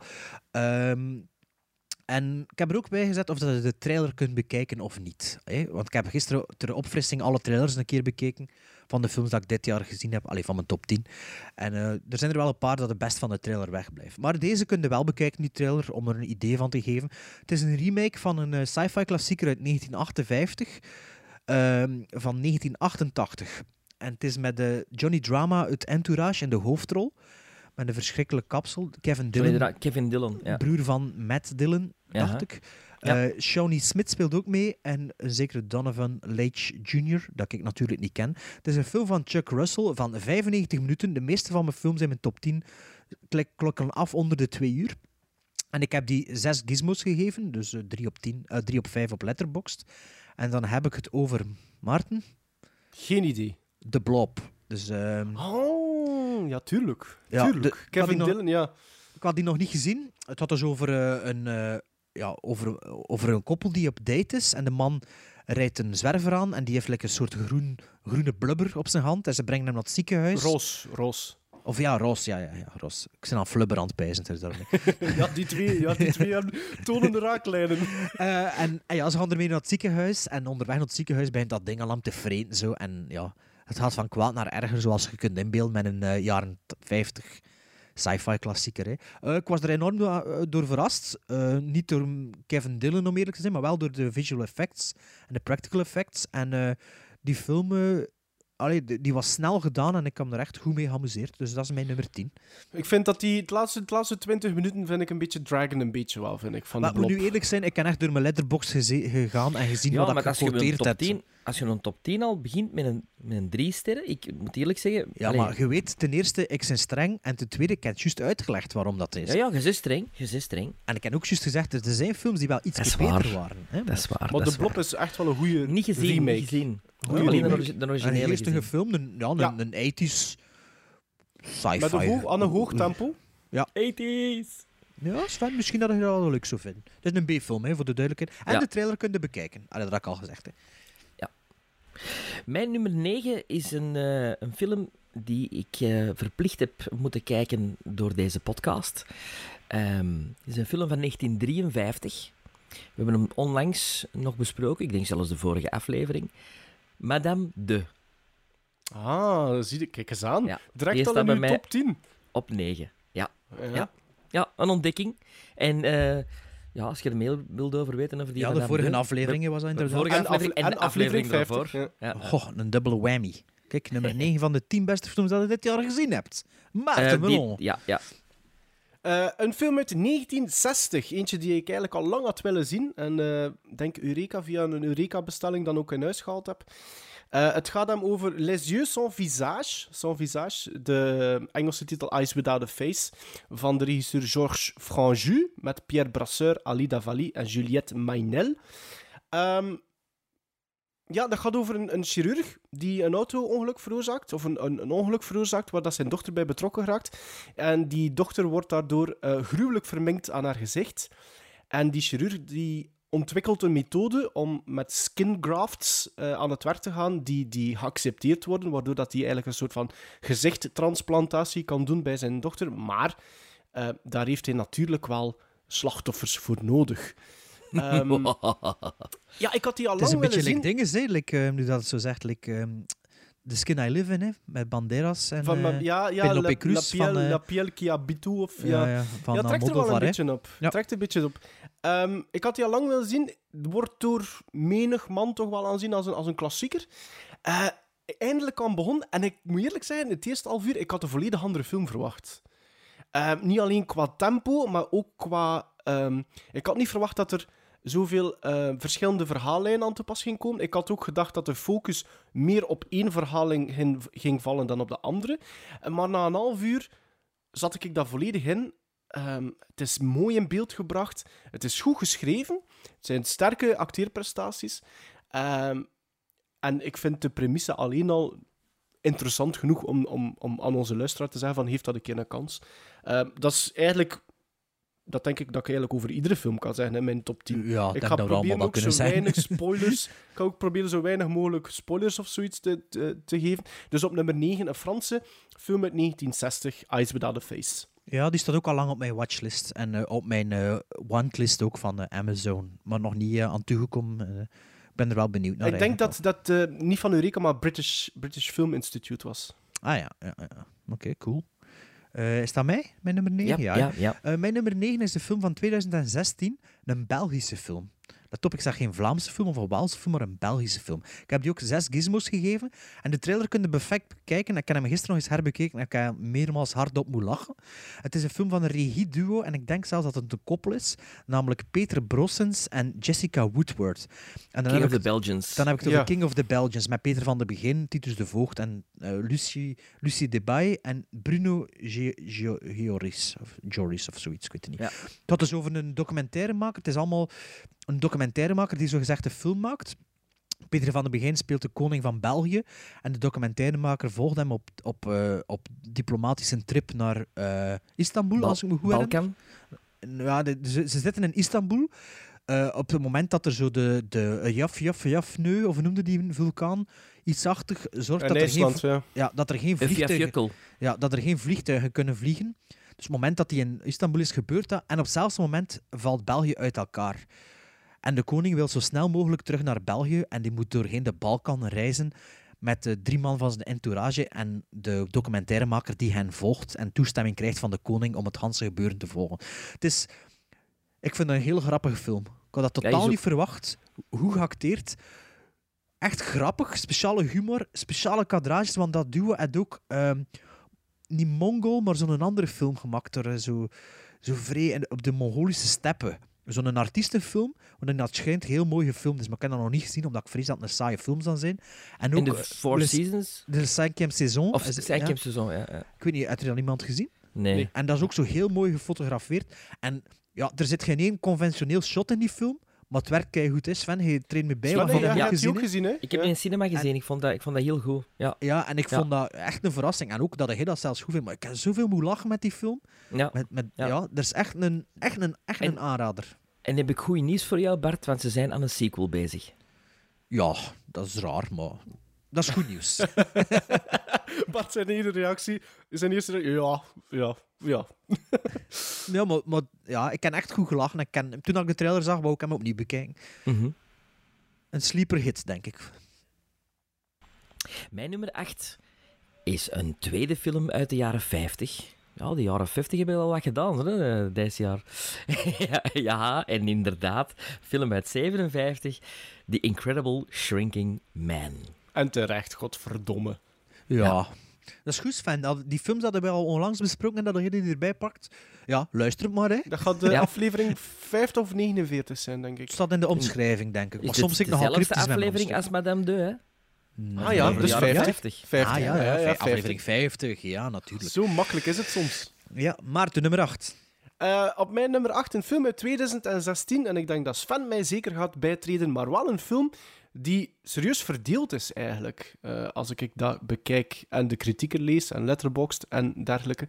Ehm, het is een film van een zekere Morten Tildum. Een science fiction film met in de hoofdrol Chris Pratt en Jennifer Lawrence. En het gaat hem over Passengers. Ehm, wat gebeurt er in Passengers? Eh, een spaceship die eh, een, een, een, een reis onderneemt van, denk ik, 100 jaar naar een, een, een colony planet. Met aan boord meer dan 2000 eh, passagiers die allemaal in sleeping pods eh, liggen. En eentje daarvan wordt eh, per ongeluk wakker gemaakt. En dat is Chris Pratt. En hij wordt wakker en hij krijgt de mededeling dat de, de, de reis nog 90 jaar of zoiets gaat duren. Maar er is dus, het is dus voor hem onmogelijk om terug in, een, in, zo in de sleeping status of cryo status te geraken. En ik vond dat echt een verrassing. Mhm. Ik heb echt genoten van die film. Ik snap dat, want ik vond dat een van de beste films van vorig jaar. En ik begrijp niet waarom dat die door zoveel mensen zo'n slechte kritieken krijgt. Omdat ze vinden dat het onethisch is. Omdat ja, maar dat is, rape- juist- Ja, dat is juist een ongelooflijke, een ongelooflijke eh, Maar zonder veel, ja, maar zo, voilà, en zonder veel te veel spoilen, ik vind dat dat dilemma heel goed naar voren gebracht Ja, ja, wordt. ik vond dat ook ik vond dat zeker geen slechte film. Ik heb die En, ook gezien en, dit jaar. en, en de art direction. En puur visueel. Robbed at the Oscars. Ik, ja, ik, ik snap echt niet dat die, dat die niet naar huis is gegaan met, met een Oscar. Ik snap dat niet. Mhm. Hij wel zie- was wel genomineerd, hè? Ja, maar ik snap niet waarom dat hij hem niet gewonnen heeft. Ja, dat is echt straf. En Ik zie nog altijd muziek, bepaalde shots perfect voor mij, die zo innova en intelligent en, en, en nieuw aanvoelen. Ja. Dat, dat vooral, voor een, zo'n, voor een science fiction film met een klein, eigenlijk een kleine film, hè, maar Ja. dat toch nieuw aanvoelt en ook innovatieve shots heeft en fresh aanvoelt. Voor Ja, mij was het ook vond- een beetje Wally meets The Shining. Hoe raar Ja. dat, dat ook kan klinken, maar dat is Het voor eerste mij... deel van Wally. Het, Het eerste het deel van deel van Wall-E, Wally en, en, en, en, en het middenstuk van The Shining. Ja, ik snap, ik snap dat wel. Dat, dat lag er misschien iets De, de, het, te het- dik het- op. Ja, maar zo het, het Qua eenzame en het daar, ja. desolate, het, het zot worden van, van niemand anders rond u te hebben dan Maar de bedoeling, de thematiek en de bedoeling van Passengers werd, vind ik, zijn heel goed, komen heel goed naar voren. En daarvoor vind ik dat alleen het- al daar een geslaagde film. En het onscreen charisma tussen Jennifer Lawrence en Chris Pratt vind ik eh, lang geleden dat ik zo'n duo heb gezien. Misschien heeft het daar ook iets mee te maken. Misschien mensen die iets te veel Chris Pratt zoiets hebben van hm, hij komt te, hij is te, te hot of hij is misschien te aanwezig. Ik had dat misschien ook de eerste vijf of tien minuten, maar ik vind dat hij dat van, eigenlijk schitterend doet. Mijn nummer 8 is een film uit 1995 die eigenlijk door John Carpenter kon en zou moeten gemaakt geweest zijn. Allee, Het kon van hem geweest zijn en hij zou, moest hij het maken en zou het nog een betere film geweest zijn. Het is een film van Robert Longo, die 96 minuten duurt en die ik 6,5 gizmos gegeven heb. En die ik dit jaar voor de eerste keer gezien heb, omdat hij destijds heel slechte kritieken kreeg. Iedereen was daar negatief over. Maar ik vond het eigenlijk echt wel een fun film. Ik had het nooit verwacht. De technologie is gedateerd en het is de uber-cyberpunk film van de 90s. Met Udo Kier. Natuurlijk. Ice-T speelt er ook in mee. Henry Rollins. Dolph Lundgren. Dina Meyer. Takeshi Kitano, de Japanse acteur, dat Sven waarschijnlijk niet kent. En de hoofdrol wordt gespeeld door een zekere Keanu Reeves. En dan heb ik het over Johnny Mnemonic. Nooit gezien. Nooit gezien? Maar Ik heb, die, ik heb die ooit een keer afgezet. En wel, ik vond dat echt een mega fun Hoeveel, film. heb je al gezegd hoeveel gizmos? 6,5 gizmos. Dat is precies een John Carpenter film. Jo- dat is... Ik verwar die altijd met Johnny Handsome en Mickey Rourke. Ja, en dat Wow, is... dat is een heel andere film wel. De technologie... Ja, maar die titels, die titels. De- ja, de titels. De technologie is gedateerd. Dat ziet er echt mega 90s uit. Dat is zo... Maar dat, ja, dat, ik vond dat... Dat was gewoon een, een thrill ride van begin, Fun, een thrill ride van begin tot einde. Ik had dat nooit verwacht. Ik had dat zo op een rommelmarkt gekocht voor een euro of zo. Of voor 50 cent. Van, ja, ik heb dat nog nooit gezien. Ik zal dat een keer zien. En ik heb naar in één ruk uitgekeken. En dat was echt fun. Dat was echt plezant. Is dat dan zo'n beetje meer een... een- is het een, is het een intrinsieke goede film of is het meer een guilty pleasure?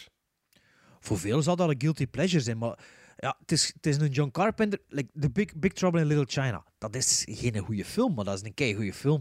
Dat is ook geen guilty pleasure, vind ik. Nee. Ja, oké. Snap je Dus wat ik wil zeggen? Het is een in die categorie, In, in ja. die categorie. De fine line. Ik ja. wou gisteren dus de trailer ook aan bezien. Je kunt hem ook perfect bezien, die trailer. En ik dacht, ah ja, ja. Je ziet dat dat gedateerd is, hè. Maar ah, ja, dat, dat ging wel vooruit. En het had dus over... eh Johnny Mnemonic is een soort data... ehm, data, hoe noemt dat? eh, courier. Wizard. Nee, datacourier. En er zit eigenlijk data in zijn hersenen ingeplant. En ze willen dat van hem afpakken. En hij moet dus naar een bepaald punt gaan voor die data te downloaden. En daar had het over. En er zitten rare personages in en zo. En Beetje dat was Total fun. Recall vibe. Ik vind, Ja, vind maar- het sowieso al tof dat het heel divers is al op dit moment, onze tops. En Ja. ja. dat is gewoon voor mij was dat echt een verrassing. Want ik, ik had me echt aan Brol verwacht. En dat was precies dat ik zat een Carpenter film te zien. Dus dat was uw nummer 8. Dat was mijn nummer 8. Oké. Dan is het aan mij voor nummer 7. Ja. Ja, mijn nummer 7 is een film uit 65, die ik al heel lang eh, op mijn watchlist had staan. Meer bepaald, mijn, mijn grootvader, eh, die sprak daar altijd over als zijn lievelingsfilm. Ehm. En die passeerde op een gegeven moment bij Playmore. En ik dacht, ah, het is misschien de moment is om dat op te nemen en dat te bezien. Het is een film eh, in black and white. ehm, met Sean Connery in de hoofdrol. En geregisseerd door de, eh, een van de beste regisseurs aller tijden, Sidney Lumet. En ik heb het over The Hill. Ja, heb ik onlangs Ik heb voor die de eerste niet keer van gehoord. Allee, met was Sidney Ja. Lumet eh, podcast. eh, Ik heb een podcast over Sidney Lumet gehoord. En iedereen was daar redelijk enthousiast. Dat is ook Ja. een van de eerste rollen hè, van Sean Connery. Dat is vlak na Casino Royale eigenlijk. Casino Royale is in 62. Ah, speelt hij hem ook mee in Casino Royale? Ah, sorry, wat zeg ik? Dr. No, excuseer. Ja, excuseer. ja, Dr. No. Dr. No is 62, denk ik. From Russia with Love. Je ziet daar ook nog voor. Het is denk ik hetzelfde jaar van Goldfinger. Eh, toch maar het is, ja. ja, maar het is zo... Het is, Sean Connery is fantastisch. Allee, ik vind een van de beste rollen die ik Sean Connery ooit heb zien doen. Ik ben niet altijd een even grote fan van Sean Connery, maar hier, soms is het zo. maar- ja, ja, hier echt, echt straf. Straffe dialogen, straf scenario. Het gaat over een, een prison camp. Eh, waar dat dus eh, krijgsgevangenen zitten eh, gedurende de Tweede Wereldoorlog. Eh, maar het is een, een prison camp eh, dat dan... Ja, het is eigenlijk... Een, een prison, moet ik het nou zeggen? Het is voor deserteurs. Ja, Dus oké. het, is een, het is een prison camp... eh, Beetje zo'n van- papillon-vibe. Zo. Zo'n eiland en doe maar wat je wilt. Of wat. Het is Ja, geen en dus gevangen, de- hè, maar ik weet, allee, je weet wat ik bedoel. Ja, het is zo. eh, Het, het zijn eigenlijk deserteurs die er zitten, of mensen die, die uit het leger die, die, die misconduct hebben gedaan. Zo. Ja, Eh, ja. oh, straf, straf, straf, straf, straf. En straf geschreven, gespeeld. nee, niet geschreven door Sidney Lumet. Die hebben meestal niet geschreven. Hè. Weet, Je ik, weet denk het dat, niet. ik denk dat het een boek is. Ik denk dat het een Ja, boek is. Ah, Sidney Lumet is zo'n goede regisseur. En, Ja, we moeten en er die- misschien een keer iets mee doen. Ja, maar misschien moeten we daar een keer iets mee doen hè, met Sidney Lumet. Ja, ja. En ze moeten dus, eh, wat dat die, die kampcommandanten dus doen, is die mannen op en af die een hill laten lopen als straf. En, en dat is onmenselijk op de deur, echt. Oké. En die Ja. komen in opstand. Die staat op mijn watchlist, dat klopt. Maar ja, zo staan er nog wel, eh, nog wel een Ja. hele pak. Ehm, ah ja, maar het is aan u, hè? Eh, voor mijn nummer 7 heb ik een, een film gekozen uit 2014. Een film, ehm, ik denk dat het een Oostenrijkse film is. Dus het is in, eh, in Duits te doen. Ehm, Van welk jaar? Sorry, ik ken niet gehoord. 2014, van een regieduo, Severin Fiala en Veronica Frans. En de titel is Goodnight Mommy. Ik weet niet Ah, of dat jullie daar al van gehoord Nooit hebben. van gehoord. Ja, ja, ik ken die naam, ja. Ik ken... eh, Eh, ja. De premisse gaat als volgt. Ehm, de tweelingsbroertjes... ehm, tweelingsbroertjes, hoe heten ze met een familienaam? Tweelingsbroertjes... Ah nee, het wordt zelfs niet gezegd. Lucas en Elias... ehm, verhuizen naar een, een gigantisch nieuw huis. En die is een horrorfilm even... zeker, hè? Ja, het is een horrorfilm, mystery en thriller. Ja. En die tweelingsbroertjes zitten dus in een nieuw huis en eh, we weten niet goed wat dat er juist aan het gebeuren is, totdat we vernemen dat de moeder ehm, opgenomen was in een ziekenhuis om plastische chirurgie aan haar gezicht te laten uitvoeren. En die komt dus thuis en zoals dat je dat meestal wel verwacht, is dat gezicht ehm, wat ehm, verpakt, ingepakt, omzwachteld. En die broertjes beginnen te vermoeden dat dat hun moeder niet is. Wauw, wat een goede premisse. Ja. Maar het is, het is meer dan dat. Maar ik zeg het, in mijn top 10, ik ga proberen niet te veel te spoilen, maar de premisse alleen al, opnieuw... Sven zijn reactie is terecht, want ik had de reactie ook. Heb ik zoiets van, wauw, dat wil ik wel zien. En ja, ook een 4 op 5 gekregen op Letterboxd van mij. Ja, die- toen dat die film... Ik ken die film omdat die in veel lijstjes stond het jaar dat die uitgekomen is. Ah ja? Ja, ja. ja. En ik ken die toen ook Want ik wil Good hem Night Mommy. Good Night Mommy. Eh, Want ik slaan die dik, want jullie zijn dan bezig over de regisseur van It, ehm, over Mama. En ik dacht dan altijd dat het over, alleen niet altijd, maar soms denk Ah, ik dan altijd Mommy, over Good Night ja, ja, Mommy ging. ja. Ja, ja, ja. Ah, ja, ja. Maar, Maar, eh, het, is, ja, het, is, het, is, het is meer dan dat. Het, is, het, is, het Ja, tempo ligt er niet veel hoog, goeie- goeie dingen maar mooie shots, goede flow, goed tempo en iets voor ja, bij stil te staan. Mijn nummer 7 is een film van 1967 eh, van een regisseur die... Ja, een speciale regisseur. Het is een film van 91 minuten. En eh, de, de, ik heb hem 7,5 gizmos gegeven. En de film is Koroshi no Rakuin. Ehm, dat zeggen jullie niets. De Engelstalige titel zal je misschien iets zeggen. En het zou kunnen dat ik het er al een keer over had heb bij de Watch, What Did Watchman, Watchman Watch. Eh, ik heb het dan over Branded to Kill met een hoop Japanners. Ik weet niet, heb ik het er al over gehad of niet? Had, had nog gezegd tegen mij, Maarten, probeert die te bekijken nog dit jaar. Wel, dus het is. Ik moet eerlijk zeggen, film. Bart, moet eerlijk zeggen, Bart, ik heb die eerste kwartier bekeken. En toen heb ik hem afgezet, want, ik zeg dat erbij, ik was er niet voor in de mood. Ja, het is, het is niet voor iedereen, maar check de trailer een keer van die film en je kreeg een beetje een sfeerbeeld. Er zitten zoveel inventieve dingen in. Waarover Ja. hadden nu? Ik zal een keer de synopsis voorlezen, maar het is meer dan dat. En het is ook, ja, het is wat arthouse, maar het is een hele grote invloed op Jim Jarmusch geweest en ook op Tarantino. Want als je de trailer checkt, zie je veel Tarantino-ding. En door al de bizarre dingen die gebeuren, of beeldvoering, of specialetjes, ja. specialetjes, het is zo wat nouvelle vague-achtig ook, is het wel een integrerende film.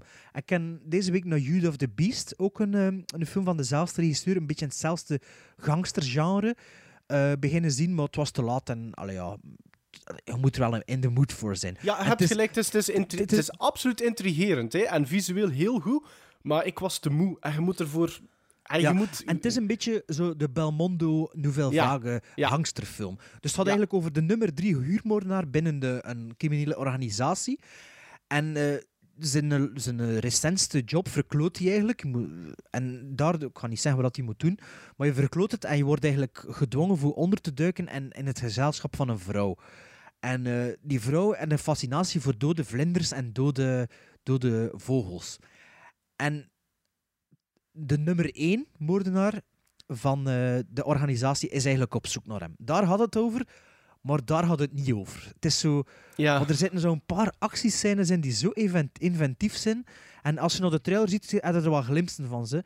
En check die trailer en als u dat aanspreekt, geef die film toch maar een keer een kans op het juiste moment. En ja, ik vond... Ja, ik vond dat echt wel cool. En als je de trailer ziet, dan had het Tarantino zijn. 100% zeker. Dus als u dat interesseert, waar dat hij zijn bronnen of zijn inspiratie van haalt, zeker checken. Oké. Sven zegt, no way dat ik dat check. I'm lost. Doe de zal- vlinders en vogels? Nee, nee, nee, nee, nee. Ik zal, maar ik zal ik je de trailer Een- een doorsturen. Mijn nummer 6 is een film uit 2016. Een film van Kevin Reynolds, de man die ons pareltjes gaf, zoals Robin Hood, Prince of Thieves en Waterworld. Het is een bijbelse film, maar niet alleen een bijbelse film, het is ook een mystery. Want het gaat over het verdwijnen van het lijk van Jezus Christus in de grot. En er is een eh, Century, gespeeld door Joseph Fiennes, die die grot moest bewaken. En die plotseling geconfronteerd wordt met dat lijk is er niet meer. Wie heeft dat lijk? Is dat lijk gepikt? Of is er meer aan de hand? Zijn er magische krachten? Is er een wederopstanding? En hij is een zware atheïst en gelooft in het Romeinse Rijk. En door zijn kweesten, door zijn search naar dat lijk, begint hij meer en meer te denken van, hier is meer aan de hand. En ik heb het over de film Risen. Klinkt wel heel interessant. Het is een heel interessante B-bijbelfilm. Hè. Laat ons het zo stellen. Ja, het is een B-bijbelfilm. En zo- waarom, waarom, waarom B? Low Ehm, budget? Ja, ik denk niet, niet echt veel budget. Er zitten geen grote massascènes in. Maar het is ook... Ja, het, het, het intrigeert mij. Gewoon het feit van... The search naar the body of... De, de, de tagline is eh, The greatest man, manhunt eh, ever. Ja, ja, ja, ja, Hè, ja. zo bedoel, Het is wel een eigenlijk- toffe premisse eigenlijk. Ja, dat is Ja. wel En, wie, en wie is het? Het is Joseph Fiennes. Joseph Fiennes Ja. speelt die Century en zijn baas wordt gespeeld door Peter Firth. Eh, die hebben we ook uit Equus nog misschien kennen. Ik- Eh, Ja, ik kan deze dit jaar twee keer een maand gratis, noemt dat door, Play More. En die speelden ze wel heel dit. Waarschijnlijk heb ik Ja. jaren gezien. Ik, ik had dat veel zien staan in de programmatie, maar ik ken die niet verder. wel, ik heb die op gecheckt. Blu-ray, Blu-ray aangeschaft, omdat ik die eigenlijk zo goed vond. Maar ik, je weet, Bart, ik heb een, een kleine, hoe moet ik het zeggen, ehm, eh, niche voorliefde voor bijbelfilms. hè, Voor dat B- weet hij, dat is- B- B-bijbelfilm. B-bijbels. maar, maar ik vond dat tof dat dat genre nog eens even terug naar revival had gekregen daardoor. En dat het niet alleen dat is, maar ook een mystery en een manhunt. Ja, ik ga het niet direct bekijken, maar het klinkt wel interessant. Eh, mijn nummer 6 is een film uit 2015 die jullie zeker eh, bekend zal zijn, want ik denk dat jullie die ehm, in ons eerste jaar van de podcast heel hoog genoteerd hebben. Ehm, het is een film van Alejandro G. Iñárritu, die ik voor het eerst heb gezien dit jaar. En het is The Revenant met Tom. Hardy. Dat was een en nummer 1 Leon- is, Sven. Ja, Ja. hè? Ja. Met eh, Tom Hardy en Leonardo DiCaprio. Ehm, Ik denk dat we daar niet echt inhoudelijk dan moeten over hebben. Over The Revenant. Nee. Nee? Maar wel, straffe film, hè. Straffe film, straffe acteerprestaties. Een goede Tom Hardy, een hele goede Leonardo DiCaprio. Een goede Don Helm Gleeson. Een goede Don Hall Ja, Gleeson. dat vooral. Wederom. Ehm, En noemt een andere film About Time? About In- Time, ook Ja. goed. Nou, ik nog niet gezien, hè. Maar misschien is het de da zijn het de dagen voor die film een keer te bezien, hè. Is niet zo'n eh, romantische? About About Time? Time. Ja? Ja, ja, ja. ja, Ja, maar ja, wat is met, met een edge? Met een edge. Ah, met een edge. Ah ja, wel. Misschien moet je die zien. Ehm, mijn nummer... hoeveel- waar zit u? Zes, hè? Zes. is een film van 1957 van 96 minuten die ik een 7,5 gizmos geef. Ah, daar gaan we. Nu wordt het interessant. Eh, en het is een film van Alexander Mac. Of Mekendrek. McEndrek. of Showbiz Boy? En eh, wat is dat? Shouldn't you change that name for Showbiz Boy? En eh, ja, over showbiz gesproken, het is met Burt Lancaster, Ik dacht Met- Burt Reynolds. Ja. Tony Curtis, Susan Harrison en I Joe smell it. Fisco. Joe Fisco. I smell it. Het is de Sweet Smell of Success. I smell it. Dat ik eh, ook dit jaar eh, op de bots heb. Een, een beetje gekocht heb. Eh, Arrow. De trailer kunnen bekijken. Eh, ik denk een Arrow Academy release, inderdaad. Een Blu-ray. En eh, de film had dus over eh, J.J. Hunsaker, gespeeld door eh, Lancaster, dat een hele machtige columnist is in New York, op Broadway. En die is, ehm koste wat het kost, eh, kost wat het, koste wat het kost, is de correcte uitdrukking zeker, vastbesloten om te verhinderen dat zijn zus trouwt met een jazzmuzikant. En daarvoor zet hij ehm, zo'n beetje een persattaché, eh Sidney Falco, gespeeld door Tony Curtis, in om het vuile werk voor hem op te knappen. Het is eh, een film die zich s'nachts in de jaren 50 afspeelt in het Broadway-milieu. En met hele sterke dialogen en waar ik enorm door verrast was eigenlijk. En ja, Een cool, Ja, dat is een, ja, een goede film. Ja, en het is, het is zo'n wereld dat Sven misschien wel een beetje kent. Van het, het is zo de theaterwereld achter de schermen. En de, de- het belang van, nog van toen dat columnisten twee keer per dag een zegje mochten doen. En dan die heel veel invloed hadden op eh, de popcultuur. Allee, popcultuur bestond nog niet. Het is ook gebaseerd op een echt personage. Hè? Ah ja. Ja, Niet met dezelfde naam, maar wel, Nee. het is echt wel, zeker in die tijd was dat voor iedereen duidelijk van, ah ja, die bedoelen ze. Ah ja, zoals dat Citizen Kane over dingen Bart? Welk jaar? 1957. 57. En- ja, en het gaat echt zo'n beetje over spindokters, maar binnen, een, niet binnen de politiek, maar binnen de... Ja, de- binnen Hollywood en Broadway en zo. Een, Mhm. ja, een, aanrader als je zo'n klassiek wilt zien. Ja, de Coens hebben daar heel veel inspiratie uit gehaald in Barton Heel Fink. Caesar. Ah, heel Caesar nee, ook, hè. Barton Fink. Het gaat ook over die columnisten en... en Ja, en, maar heel. Caesar ook het personage van eh, Jo- Josh Brolin, hè, die, eh, Ja. die alles Ja. moet gefixt krijgen achter de schermen en zo. Maar Barton Fink misschien inderdaad ook. Dus ja, Sweet Smell, Sweet Smell of Success, nummer 6. De top 5. Mijn nummer 5 gaat als volgt. Guess that movie. Pom, pom. The Crystal Skull. 2001 A Space Odyssey.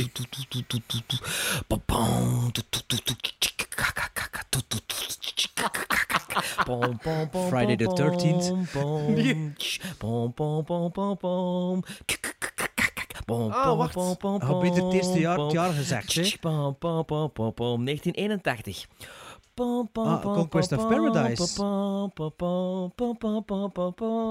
Wel van Vangelis. Van die lopers toch niet? Hoe noemt die film?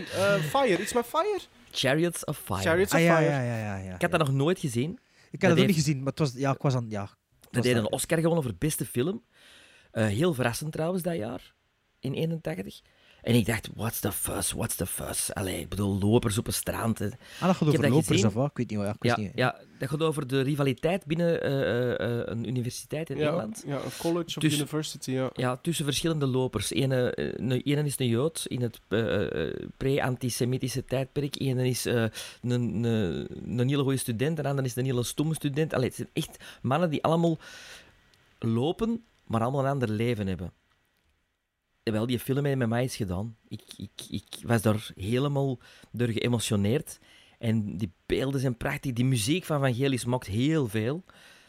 En ja, dat is gewoon een, een, een hele grandeurachtige film. Nou ja. Niet, Duurt niet wel, het duurt wel lang, hè? Ja, ik denk net, net geen twee uur, denk ik. Ah, ik Ah, dacht dus dat, nog in de dat- top ik- 10 nee, beland ik, dacht- ik dacht dat hij, ik dacht dat hij over Is die langer? uur duurde. Ah, ik dat dacht, kan, maar ja. het kan ook van niet. Ik heb die ene keer gezien en die heeft bij mij wel een minder blijvende indruk nagelaten. Ja, ik heb dat niet gezien. Ik, ik, vond ook dat dat tempo wel laag lag. Dat ligt heel was. laag. Dat ligt voor heel het- laag. Voor het verhaal, hè. Voor het Maar verhaal dat is wat zo'n het is. film waar je u moet indom, indompelen Ja. en zo de namiddag. Een en dan- zondagnamiddagfilm. Ja, perfect, perfect. Ja. ja. Ja, oké, interessant. Daar moeten we Ken- misschien ook een keer iets mee doen. Zondagnamiddagfilms. Top drie zondagnamiddagfilms. In uw schommelstoel. Ja. Ja, maar nummer 5. Nummer 5 is een film die Bart zijn nummer 1 was, denk ik, van films van 2016. Eh, Een film van J.A. Bayona. Dat was nummer 1, Bart? Dat was nummer 1. Ja, dus ik heb het over Monster Calls met Sigourney Weaver, Felicity Jones en de, longe- de jonge Louis McDougall. Die speelt een jongen die s'nachts bezoek krijgt van een boom terwijl zijn moeder terminaal ziek is. Eh, Nog niet gezien. Ja, ik, ik, ik heb mijn ogen uitgebleid bij A Monster Calls. Ik had het Ehm, gezegd, hè. Ja. Ehm, ik vind dat... Ja, dit is echt een sterke film. En ik vind het een beetje raar dat... Ik, dat, dat mensen... Dat er eigenlijk heel wat mensen zeggen van... Ja, ik vind hem niet zo goed, omdat het allemaal zo letterlijk en, en zo in your face is. Maar ik heb zoiets... Wat is er dan mis mee? Maar dat was voor de Last Jedi, hè, dat ze dat zijn. Ja, dus nu, ja, nu nu zou gaat het dat niet misschien meer wel beter. Nu, ja, nu gaat het... Eh, ik heb zoiets van, wat is daar mis mee? Ik vond dat een heel mooi verhaal. Oké, die, die, die, die, die, magie, dat, dat eh, magische, dat, die, hoe zeggen ze dat, die metafoor is redelijk duidelijk, ja. En so what? Ik vond dat een fantastische film. Ik vond dat het daar heel goed in werd. Eh, die jongen vond ik straf. Ik denk dat dat de eerste keer is zelfs dat ik die Louis McDougall in iets gezien heb. Ehm Sigourney Weaver is daar ook heel goede backup in. Liam Neeson als boom doet dat wel heel goed. Een boom van een vent, hè. een boom van een vent. Ehm, nee, A Monster Calls is nee. voor mij is echt nee. een aanrader. En ik weet niet of dat, dat iets... Ik hoop van niet. Allee, de thematiek is mij niet vreemd van die film, ik zal het zo zeggen. Ehm, maar ja, nee, ik vind dat echt een, een, een, een een steengoeie Is- film. Is het blijten zoals met E.T.? Het is Nee, op een nee. andere manier blijten. Het is echt op een andere manier blijten. Oké. Is, het is blijten wel. Hè. Eh, mijn nummer janken. 5 is een film waar ik de trailer niet van moet bekijken. En het is ook de eerste of misschien enige documentaire in mijn top 10. Het is een film van 2014 van Eddie Martin die ik 8 gizmos geef. En van 104 minuten. En het is met, ja, met wie dat is, dat doet er eigenlijk niet want het is een documentaire. En ik heb het dan over All This Mayhem. Dat zeggen jullie Ah, daar heb waarschijnlijk ik van gehoord. Jawel, ik heb Ik heb die helemaal in het begin van dit jaar gezien. En die stond op Netflix. En het verhaal gaat eigenlijk over twee broers, eh, Tas en Ben Papas. En dat zijn eigenlijk twee gasten, skateboarders, die eh, Australische gasten, die ja, uit het niets, uit een, uit, een, uit een outback, niet echt een outback, het is een stadje, hè, eh, ja, tot de top eh risen van de skateboardwereld. Je hebt dat verteld? Maar die, ehm, Ja. Ja.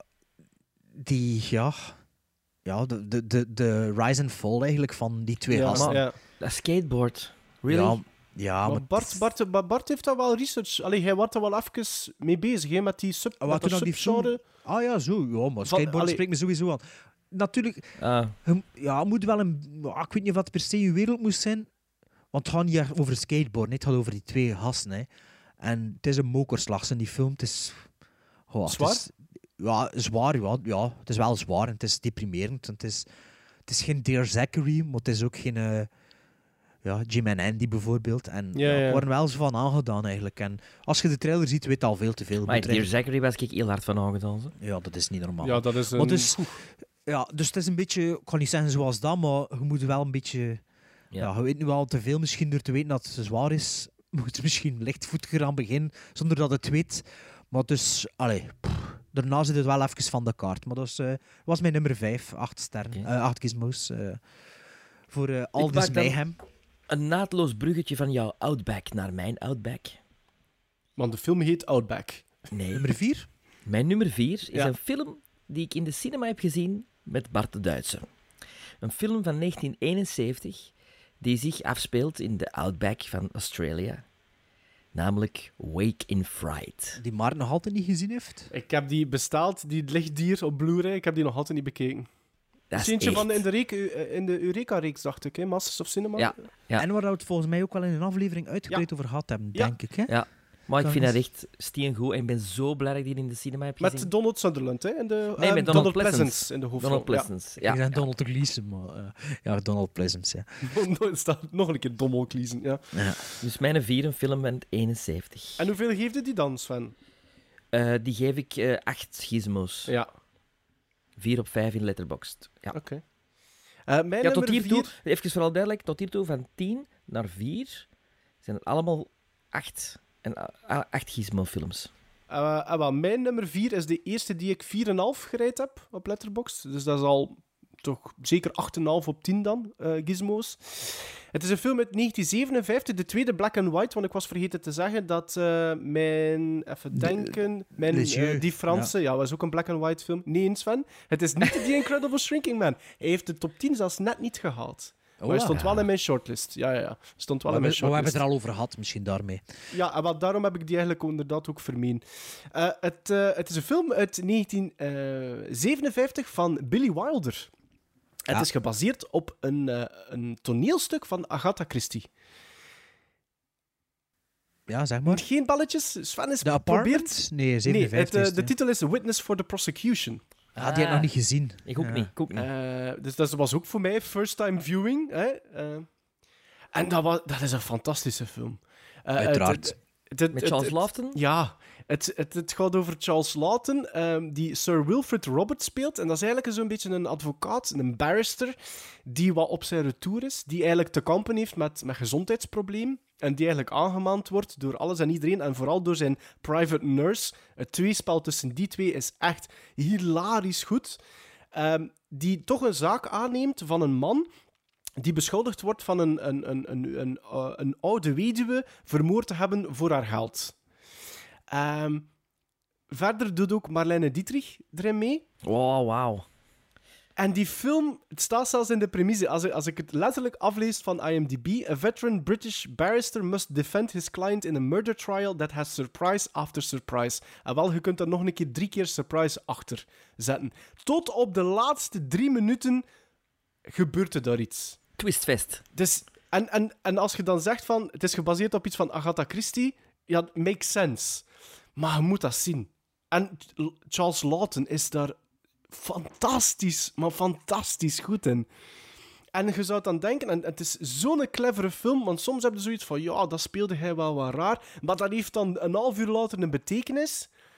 Het zit echt fantastisch goed in elkaar. Echt witness for the prosecution. De eerste Oké, 4,5. Ik heb goed om hem te zien. Echt, ga, Billy, zeker Billy. Wilder sowieso, dat wint al bij mij. En volgens mij heb je toen je hem gezien had ook al tegen ons gezegd dat dat echt... eh, Onmiddellijk een WhatsApp-bericht gestuurd. ja. waarschijnlijk. En het Ehm, duurt minder dan twee uur. Een uur Ah, 56. Mijn, mijn nummer 4 die duurt ook minder dan 2 uur, die duurt 109 minuten. Die heb ik 8,5 gizmos gegeven.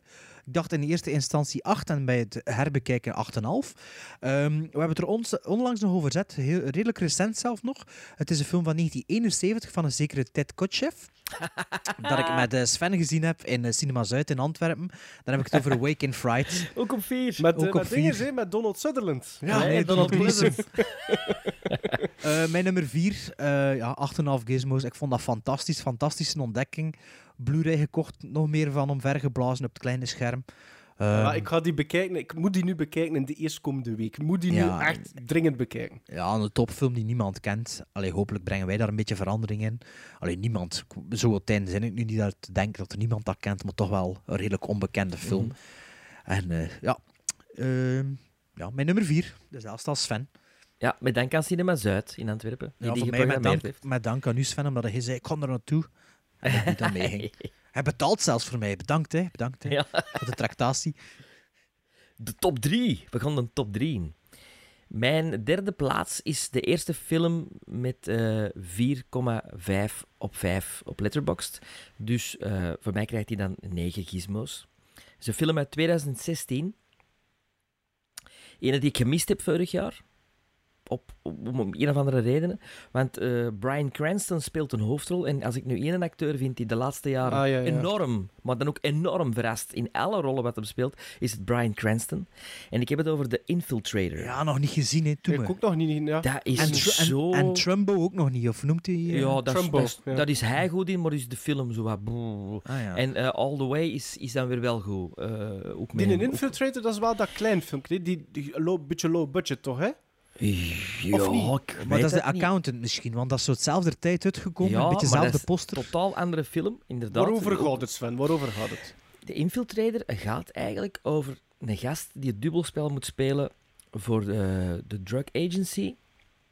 En eigenlijk in het kartel, in het Medellin-kartel, eh, zich wat, ja, Ah, het, infiltreert. het is in Medellin of wat? Dat gaat een beetje zoals Narcos zijn waarschijnlijk. Eh, ja, maar het is, zo, het is, het is een, een, een, Ja, Ja, maar Narcos zijn geen infiltrant. Het is juist nee, nee. infiltrant. Maar als er dat iemand... Ik weet, ik, ik ben de, de regisseur kwijt. Die heb ik nog niet direct eh, gezocht. Maar het is de graafste Scorsese-film niet gemaakt door Scorsese. De, de Infiltrator, mannetjes, ziet dat, ziet dat. Want dat is keigoed. Met ook een, een, een, een hele goeie ehm, Brian Cranston. Ja, Ja. dat op mijn watchlist vorig jaar ook. Ik heb hem gemist in de cinema en niet meer ingehaald sindsdien. Dus ja. Op nummer 3, een film die ik 8,5 op 10 gizmos geef. Een film uit 2014, net geen twee uur, van regisseur Dan Gilroy. Met een zekere Jake Gyllenhaal in de hoofdrol. Ah, ja. En Jake Gyllenhaal is een film, is een film, is een acteur Sven zijn nummer 1 van dat jaar. Ah, Van, eh, van dat jaar wel, ja. Nightcrawler 2014? Ja, Ja. Dus, dus het gaat even over Nightcrawler. Eh Jake Gyllenhaal, ik, de- eigenlijk door de podcast, aflevering 2, door Enemy, wat als Sven dat weer geen goede film vond, eh, maar Jake Gyllenhaal, wat een sterke acteur is dat. De New De Niro. Dat is een goede acteur. Heeft hij eigenlijk al ooit een Oscar gewonnen, die gast? Nee, Dat is toch echt wel onterecht? ja, dat is echt onterecht. De Man of Thousand Faces, hè. Nightcrawler had hij voor mij een Oscar mogen hebben. Dus Nightcrawler, hij speelt een zekere Louis Bloom. Ehm, dat is een, een, een ex-crimineel, ik denk dat hij wel iets op zijn, op zijn strafblad heeft staan, die ehm, ja, eh, desperate is for work en die ehm, videojournalist wordt. En die s'nachts eigenlijk de straten van eh, LA afschuimt op, op zoek naar, naar, naar branden en inbraken en, en, en, zaken en accidenten. en Alles wat dat hij maar kan filmen en waar dat er geld mee te verdienen valt. En hoe langer, hoe verder dat die film gaat en hoe meer dat hij verdient, hoe meer dat zijn morele, zijn code of ethics eigenlijk, dat dat vervaagt. En, en, en hoe ver kan je gaan eigenlijk om, om niet alleen succes te hebben, maar ook aanzien te krijgen van bepaalde mensen. Ehm, niet alleen Jake Gyllenhaal, een hele sterke René Russo speelt daar een, een, een, een, een zijrolletje in. Alleen meer dan een zijrol. En dat was lang Bijrol. geleden dat ik... Ja, een bijrol. En, langer, en dat was eigenlijk al lang geleden dat ik René Russo nog in een film toekoer gezien had. En ja, die kan eigenlijk ook wel acteren. Hè. Het is eigenlijk mhm. spijtig dat hij niet, niet meer aan de bak komt. Eh, Waarschijnlijk ook zo Harvey Weinstein die pijpen of zo. ja, misschien was ze persona non grata geworden daardoor. Maar Nightcrawler... Zeg een ding. Bill Paxton. Bill Paxton, ja, ook. Ja. Wijlen Bill Paxton, dat was nou eigenlijk een schone tribute nou. Ja. En, Eh, en Nightcrawler zit ook, vind ik, heel dicht qua, ehm, qua inleving en personage evolving. Taxi Driver. Ja, Taxi ja, Driver, hè. Ja, Zeker, het volgde ja, ja. zo'n beetje Die datzelfde... Ja, Ja. die evolutie zit er to in. Madness, zo'n beetje. Ja. Ja, ja. ja, maar voor hem is het niet zo. Nee, nee, het nee, voelt maar zo niet aan. Het is Taxi geen remake Driver- van Taxi Driver. Nee, maar bij Taxi Driver heb je... Is dit personage van bewust dat hij gek aan het Ja, worden in is? Taxi Driver heb je dat in alles. Die climax, dat dat zo... Maar, maar dat maakt het Nightcrawler juist zo interessant. Dat was, Nightcrawler was... ehm ehm eh, I- It was mijn laatste vijfsterrenfilm die ik in de cinema heb gezien. Sinds Nightcrawler. En, en sinds Nightcrawler, ja. Ja, ja, Ah, ja, dat oké. gezegd volgens mij. Dus ja, kijk, een mooie derde plaats toch wel. Voor een first-time viewing. Mijn derde plaats heeft eh, ook 8,5 gizmos gekregen en duurt bijna drie uur. Eh, Wow, Bart, ja, wat krijgen we nou? uur. Eh, een film van 1962 en ik denk dat we het er ook al over hadden. Ik ben het niet zeker, met een hele hoop verschillende regisseurs. Eh, met John Wayne, Paul Anka, Sean Connery, Henry Fonda, Robert Mitchum en nog 10.000 anderen. En dan heb ik het over The Longest Day. Ah, jawel, heb je er De langste ja. dagen. Heb je het Ja. dan in, een keer in een What to the Watchmen seg- segment Ja, gehad? denk het wel. Dat je dat nog nooit niet gezien hebt, dat vond ik Eh, ja, straf. ja, Ja. er zijn films die er niet al... Ja.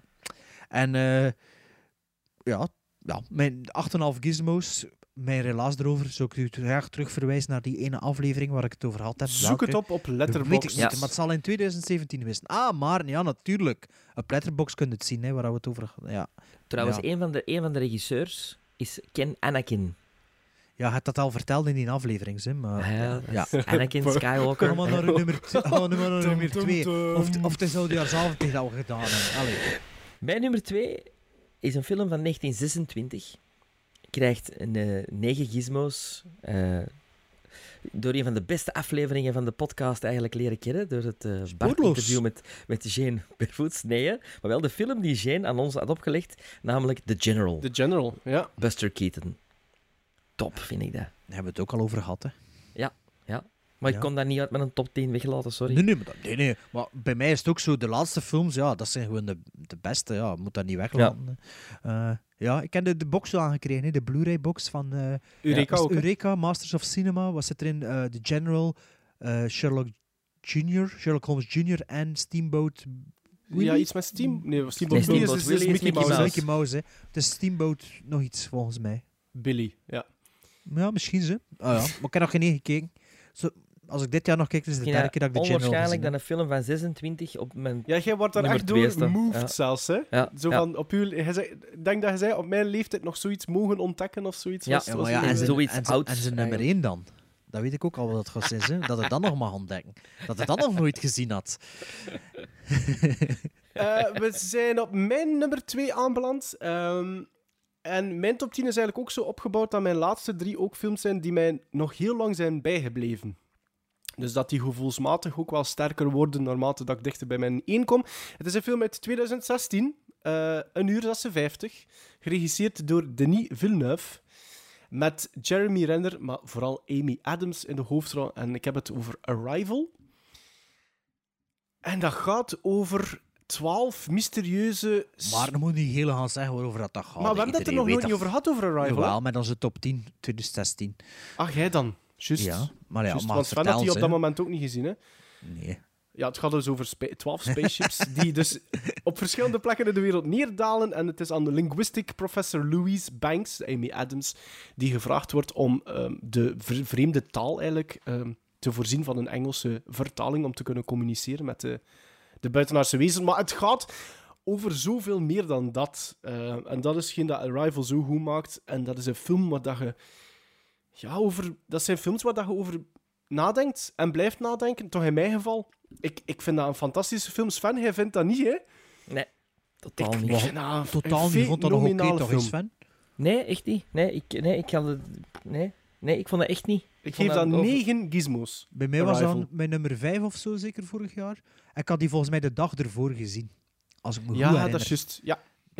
Ehm, Ik geef dat 6 op 10, 3, 3 op 5. Ja. ja, ik geef dat 9, ik geef, ik geef dat 9 gizmos. Nee, Ja. Gizmo dat is een halfje meer dan wat ik aan mijn nummer 2 gegeven heb. Het is denk ik een film dat we het nog nooit over gehad hebben eh, in de podcast. En misschien zelfs ook niet, ja, misschien wel op WhatsApp zo even, maar ik weet het niet zeker. Ehm, het is de tweede film in mijn top 10 dat ik de trailer niet van moest zien, want je weet dan toch wel al een beetje te veel, vind ik. Eh, het is een film van 1949. Dus 8,5 gizmos heeft ik die en die duurt 114 minuten. Het is een film van Raoul Walsh. Met in de hoofdrol James, James Cagney. Ik weet niet of jullie al weten wie, welke film dat zou zijn. Nee. Dan heb ik het over White Heat. Ah. Ah, Eh, ik heb die nog nooit eh, niet gezien. Sven ook niet. Dus Nee. White Heat gaat dus over Cody Jarrett. En dat is eh, een moederskindje die enorm opvliegend is. Een, een hangster eigenlijk is het. hè. Het is een sadistische ja, eh, leider van een, zo'n een gang, van een boevenbende. En ehm, wanneer dat er eigenlijk iemand anders de, leiding van de gang wil overnemen... ehm, door hem te laten eh, ja, eh, vernietigen, allee, vernietigen niet, of door hem te vermoorden, of ik weet niet meer juist wat ze doen, ehm, komt er eigenlijk een undercover politieagent hem ter hulp en die infil- infiltreert de boevenbende om eh, bepaalde crim- crimineel feit op te lossen. En ehm, ja, ik heb hem nog maar één keer gezien. En ja, ik wil eigenlijk zo rap mogelijk de Blu-ray kopen eigenlijk. Dat is altijd want- fantastisch als je dat gevoel hebt als je een film Ja. voor het eerst gezien hebt. Dat je zegt van nu, ik moet door een upgrade van hem. Ik moet Ja. er de Blu-ray van hebben. Het wordt natuurlijk nog een beetje zo oldschool geacteerd erin, 1949, maar het marcheert wel die film. En het is, het is, het is zo'n oude film waarvan dat het denkt dat, eh, dat het al allemaal gezien heeft en dat het allemaal weet van The Simpsons en van Family Guy en al die, die persiflages erop. Maar eigenlijk is dat het geval niet, want dat is zo'n film dat ik niets van wist bij nader inzien en dat ik enorm door verrast was. Dus mijn nummer 2, White Heat van Raoul Walsh.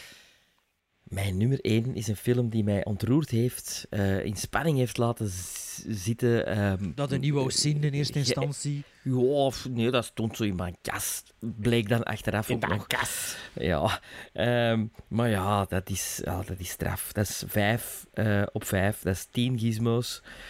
Een film uit 1942. Casablanca. Ja, dat wist ik dat dat heb Zijn er niet staan. blij dat je die nu gezien Ja, hebt, absoluut. Want de We'll always aflevering have voordat hem gezien had, dan zeiden van ja, ja. En toen zeiden Maarten en ik van, je moet dat echt wel Je zien. moet dat zien. Ja, ik heb dat opgenomen zo op die cinema canvas van de zomer. En dan daarna ontdekte ik dat in mijn kast had staan. Ja. Was op de juiste aspectratio op canvas? Ja. Oef. Hè? Alhoewel. Ja, ja, maar dat is geen... eh, dat is geen het was- balkjes. Het was dus juist een aspectratio, want was in die Ja. tijd maakte dat nog niet zoveel uit. Voor, eh, was het geen eh, letterboxd, hè. alleen geen 235. Nee. nee, dat klopt. Dat was juist de aspectratio. Straf- zijn ook blijven hangen. Ja, topper, hè. Aanrader, absolute nummer 1. Klopt. Mijn nummer 1 is eentje die misschien wenkbrauwen gaat doen fronsen. En zeker als de luisteraars die hem nog niet gezien hebben, gaan gaan kijken op IMDb. Het is een film uit 2016. ehm, door de Franse regisseur Olivier Assayas. En Bart zou die moeten kennen, want een van de films die op zijn palmarès staat is Demon Lover uit 2002. En Ah. jij hebt dat ooit een keer geopperd om in een Stockholm te steken voor ons. Ja, ik had de DVD nog in mijn hand. Ik dacht, god, En juist die film. Wat was de Vergeet premisse altijd. daar weer van? Dat is iets bizar, hè? Iets Eh, over de- 3D de Fran- anime-pornografie of zoiets? Ja, en eh, tussen de link tussen Japan en Parijs of zo. Dus de Ja. ene deel van de productie wordt in Parijs gedaan, de andere in Japan. En het is met moorden en zo. En de, soundtrack, de, de score gedaan door Thurston Moore van Sonic Youth. Ja, ja. Een soort cyberpunk af, Allee, après een, klein, een klein beetje achtergrond op de film die ik dus gekozen heb. Geen idee welke dat is. Het is een film met, ehm, met Kristen Stewart. Ah ja, ah, van dezelfde regisseur. Ah, Het is Personal Shopper. Een shopper. Ehm, een drama, horror, mystery. Een uur, drie Wauw. kwartier. Niet te Ja, veel wil ik- verklappen, hè. Ik wil niet veel verklappen. Ik ga niet veel verklappen. Ik ga, eh, het gaat, dus de personal shopper. Allee, het is weer een film, en ik meen dat echt. Het is een film die veel meer is dan wat dat de premisse zegt. Bijvoorbeeld op IMDb gaat het over Kristen Stewart, speelt de rol van Maureen, die eh, een personal shopper dus is in Parijs voor een of andere celebrity. Nu, ze vindt dat niet zo plezant, dat jobken, maar ze blijft eigenlijk in Parijs hangen omdat haar tweelingsbroer eh, overleden is en ze probeert eigenlijk met hem nog in het hiernamaals contact te maken. Dat is de premisse, dat is eigenlijk... Die informatie komt ook allemaal te weten, denk ik, in de eerste 10 minuten van de film. En de rest gaan we zelf, zelf ontdekken, nee, maar... Ja, moeten moeten bekijken. Personal Shopper. Echt, ik was blown away. Die film heeft nog, denk ik, een week, twee weken in mijn lijf blijven hangen. Dat is een film waarover dat je blijft denken, wat dat fenomenaal geacteerd wordt door Kristen Stewart. Maar Sven gaat dat niet verbazen, want dat is Nee, nee. echt- dat is mij ook... Allee, ik, ik, ik ben nog altijd in de overgangsfase van eh Stewart, Twilight en, en Ja, en maar ik heb. Twilight nooit gezien. Ja, hè. ik eigenlijk Dus- ook niet. Ja, wat zit er dan te reclameren? Ja, Ze omdat dat, dat de misschien ook even goed algemene, in. omdat dat zo wat de algemene consensus is. Hè. Bella Swan is Kristen Stewart, is Ja. Twilight. Nu, Ik zeg altijd drie films: Adventureland, Café Society en American Ultra. En daar is ze maar. ja, ik heb ze ook ondertussen veel gezien en ik vind haar echt wel een fenomenale actrice. Eh, maar Personal Shopper is een film, ja, dat... Ik vind dat iedereen moet die zien. Die krijgt op, op IMDb trouwens 6,2. Ik geef die 9,5. Ja, maar die, die, die scores op, IM, op IMDb van recente films, dat is geen referentie. Maar Personal Shopper is een film die absoluut niet voor iedereen gaat zijn. En dat is de reden waarom. Playmoric? En Is dat is, op mijn watchlist? en dat is de reden waarom dat, die, eh, waarom dat die minder... Allee, denk ik, zo'n score krijgt. Denk ik. Denk ik. Dus eh, mijn nummer 1 is ook een film die ook 8,5 gizmos krijgt. Net zoals mijn vorige drie eigenlijk. Dus het was een beetje kiezen wat ik waar ga zetten. Het is een beetje arbitrair, zeker die vier. Dus eh, allemaal een beetje inter, interswitchbaar, of hoe zeg je dat? Eh, het is een film die ook een halve gizmo naar boven gegaan is bij de tweede visie. Ik heb hem twee keer gezien dit jaar. Het is een film van 1952 met in de hoofdrol Debbie Reynolds, Gene Kelly en Donald O'Connor. Dan heb ik over Singing in the Rain. Oh, Bert, echt, Bert, je zit zo in mijn 18 gestegen. Dat is een nu. verrassing. Dat, is echt, dat vind ik nu echt wel een verrassing. Ja, Wat? echt de, de, de musical hater. Ja, ja maar ik heb Le Parapluie de Cherbourg begin zien. Hey, dat was zotse man. Maar Singing in the Rain, weer zo'n film dat ik dacht dat ik volledig kende. Bij nader inzien wist ik er niets van. Dus ik kan de premisse, ik kan het ook niet voorlezen zelf. Enorm door verrast. Ook Ik al, vind- had ook al zat ik in de cinema de eerste keer, we hebben het er al in een aflevering over gehad, met te ergeren dan iedereen die zo Ja. happy zat te doen rond mij. Ik was me echt dood aan aan het ergeren. En ja, ik heb die film nog een tweede keer bezien. En ja, dat is gewoon een mega goede film. Ik had de trailer gisteren al bezien. Dat is een meesterwerk. En dat was Ik echt vind zo, als, ja, als, West, als de western-liefhebber vind ik dat wel straf van dat Bart de musical-hater singing, op de, singing in de ring op nummer 1 plaatst. Ja, maar je weet, ik ben eh, behalve werkzoekende ook een goede storyteller. Dus mensen die dit horen. en ik weet, die vier aan allemaal dezelfde quotering. Maar ik dacht, als ik Singing, up the rain, singing in the Rain op één zet, dan verras ik Sven. En kijk. Ja, ja, Hey. Absoluut. Dus Hela. eh, ja, Singing in the Rain, echt enorm door eh, verrast. Klein beetje door La La Land misschien naar die film getrokken ook. Die, maar Ja, door ja. La La Land speelde die ook op het groot scherm. En eh, ja, ik heb ook de soundtrack regelmatig al beluisterd. En ik was gisteren de trailer aan het herbezien voor even op te frissen. Ja, fantastisch hè. De set pieces, de, de, ja, dan, zelfs een dansen. Maar Ja. een musical over ga ik toch nog niet horen, maar ik ken Les Parapluies de Cherbourg beginnen zien. Sven, dat hij zo goed vindt en dat hij dat goed vindt, dat snap ik zelfs niet, want ik heb dat echt niet uitgehouden. Maar eh, Ja. Singing in the Rain, als je dat nog niet gezien hebt, Ja, dat is een andere categorie. Hè? dan moet je gewoon zien. Jongen. Ook al heb je niets met musicals zoals ik, dat is echt eh fameus filmpje, zou ik zeggen. Fameus filmpje. Ik heb nog een paar honorable mentions die juist een top 10 niet zijn binnengeraakt. Ehm, het zijn allemaal recente films, als ik mijn lijstje zo bezien.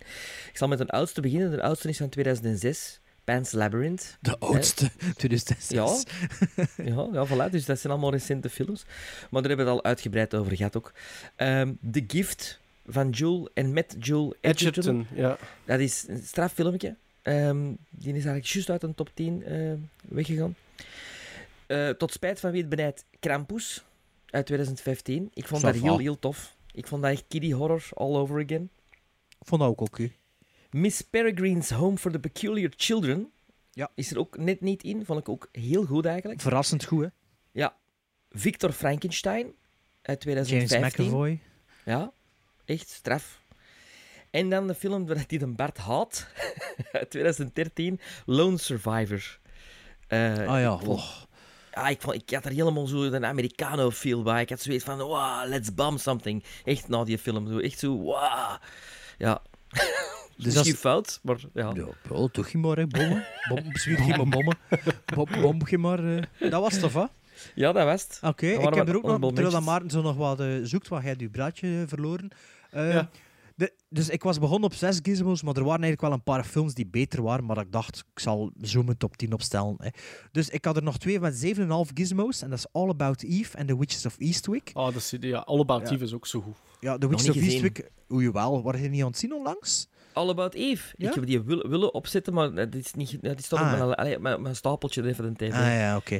Eh, dan heb ik nog een paar van zeven gizmos, maar we hebben het er al regelmatig over gehad. Dus ik heb die dan maar weggelaten en dat was eh, niet regelmatig, maar al over gehad. Eh Thieves Highway, Dead and Buried, Lola Montes, Batteries Not Included, Extreme Prejudice, Key Largo en Crimson Peak. Die kregen zeven gizmos van mij. Dan nog een op 6,5 gizmos, Young Sherlock Holmes, Dress to Kill, The Gate, 12 O'Clock High, Café Derby, een Vlaamse film, waar ik echt door verrast. Goed, hè? Ja. Ja. Dat, ik vind dat, wat ik tof vind aan die Café Derby, is dat dat een hele persoonlijke film is van, van eh, Lenny. De, Lenny. Ja. En, en die figuur van Wim Opbroek. Ja. Ah, wat, allee, wat een schoon figuur is dat. Allee, een prachtige rol. Ja. Prachtige rol. Dus Café Derby waar ik dus aangenaam door verrast. We are, We Are Still Here, waar ik niks meer van weet bij nader inzien, maar die staat, ik kreeg 6,5 gizmos. The Program, dat ik ook goed vond, Sven. Mhm. En Legend met Tom Hardy, 6,5 gizmos. En dan nog Mhm. drie, zes gizmos, en dat is The Bird with the Crystal Plumage, Three Ja. Outlaw Samurai en Brute Force van eh Dassin. eh, Jules Dassin. Dus dat waren mijn honorable mentions die eventueel in mijn top 10 konden beland zijn. Ik heb er nog een paar die er juist zijn uitgevallen. En eh één daarvan was Loki met Tom Hardy. Ik vond die juist uit mijn top 10 Nummer 1 gevallen. van Sven van vorig jaar. Ja, eh, juist eruit gevallen. Eh, wat had ik nog? Black Sunday uit 1960 had ik nog staan. Mario Eh, Bava? Ja, van, Nee. van Mario Bava. Dan de, de, de anthology films The Vault of Horror and Tales from the Crypt uit 72 en 73. Ik heb die voor het eerst bekeken en die, die zijn zo charmant. Moet ik nog zien, heb ik hier Die zijn zo Ja. charmant in hun sfeer. dat katapulteert echt. Dat, dat klopt gewoon. Die settings en die verhaaltjes. Ehm, ach, ik was aan het denken wat ik nog had. Vond ik Victor Frankenstein ook niet goed? Ik vond Victor Frankenstein oké, maar geen top 10. Mhm. Ah, en die Incredible Shrinking Man natuurlijk, maar die is er, juist, die is er dan uitgevallen. Eh, ja, ik zou nog even kunnen voortgaan, maar dat was het ongeveer, denk ik. Ik had een shortlist, denk ik. Ik denk dat ik een shortlist van 30, 35 titels had. Ik 36 initieel.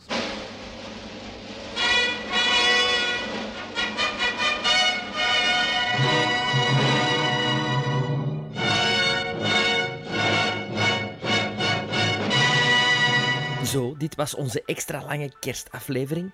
Eh, ik wil iedereen bedanken om, om te luisteren. Ik wil ook Maarten en Bart bedanken voor het afgelopen jaar. Eh, een, eh, Zo ja, een, lief. een, een goed einde jaar. Ja, en ik hoor weer begin. vader in juli. nee, dat is niet waar. Flashback. En eh, ja, ik zou zeggen, we gaan er eh, vanaf begin januari terug met volle moed aan beginnen. En onze eerste aflevering is, denk ik, online op 9 januari. Eh, en blijf ons volgen op Facebook, Letterboxd, Twitter, Instagram. Boxing Day Eh. en de kerstperiode, fantastische periode om naar BBC 1 en 2 te kijken. Want daar zijn er altijd goede films op nu. Ehm, Ja, waar en heel veel Joan Crawford en Betty Davis toestanden. Heb ik al gezien. Dus ja, tot volgend jaar.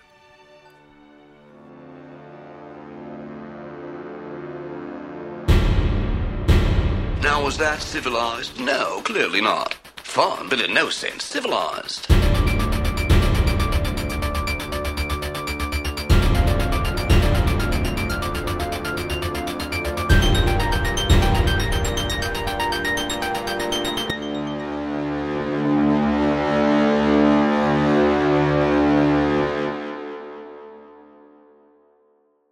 Eerst mijn Jennifer Lawrence komt hier nu in beeld. hè. Ja.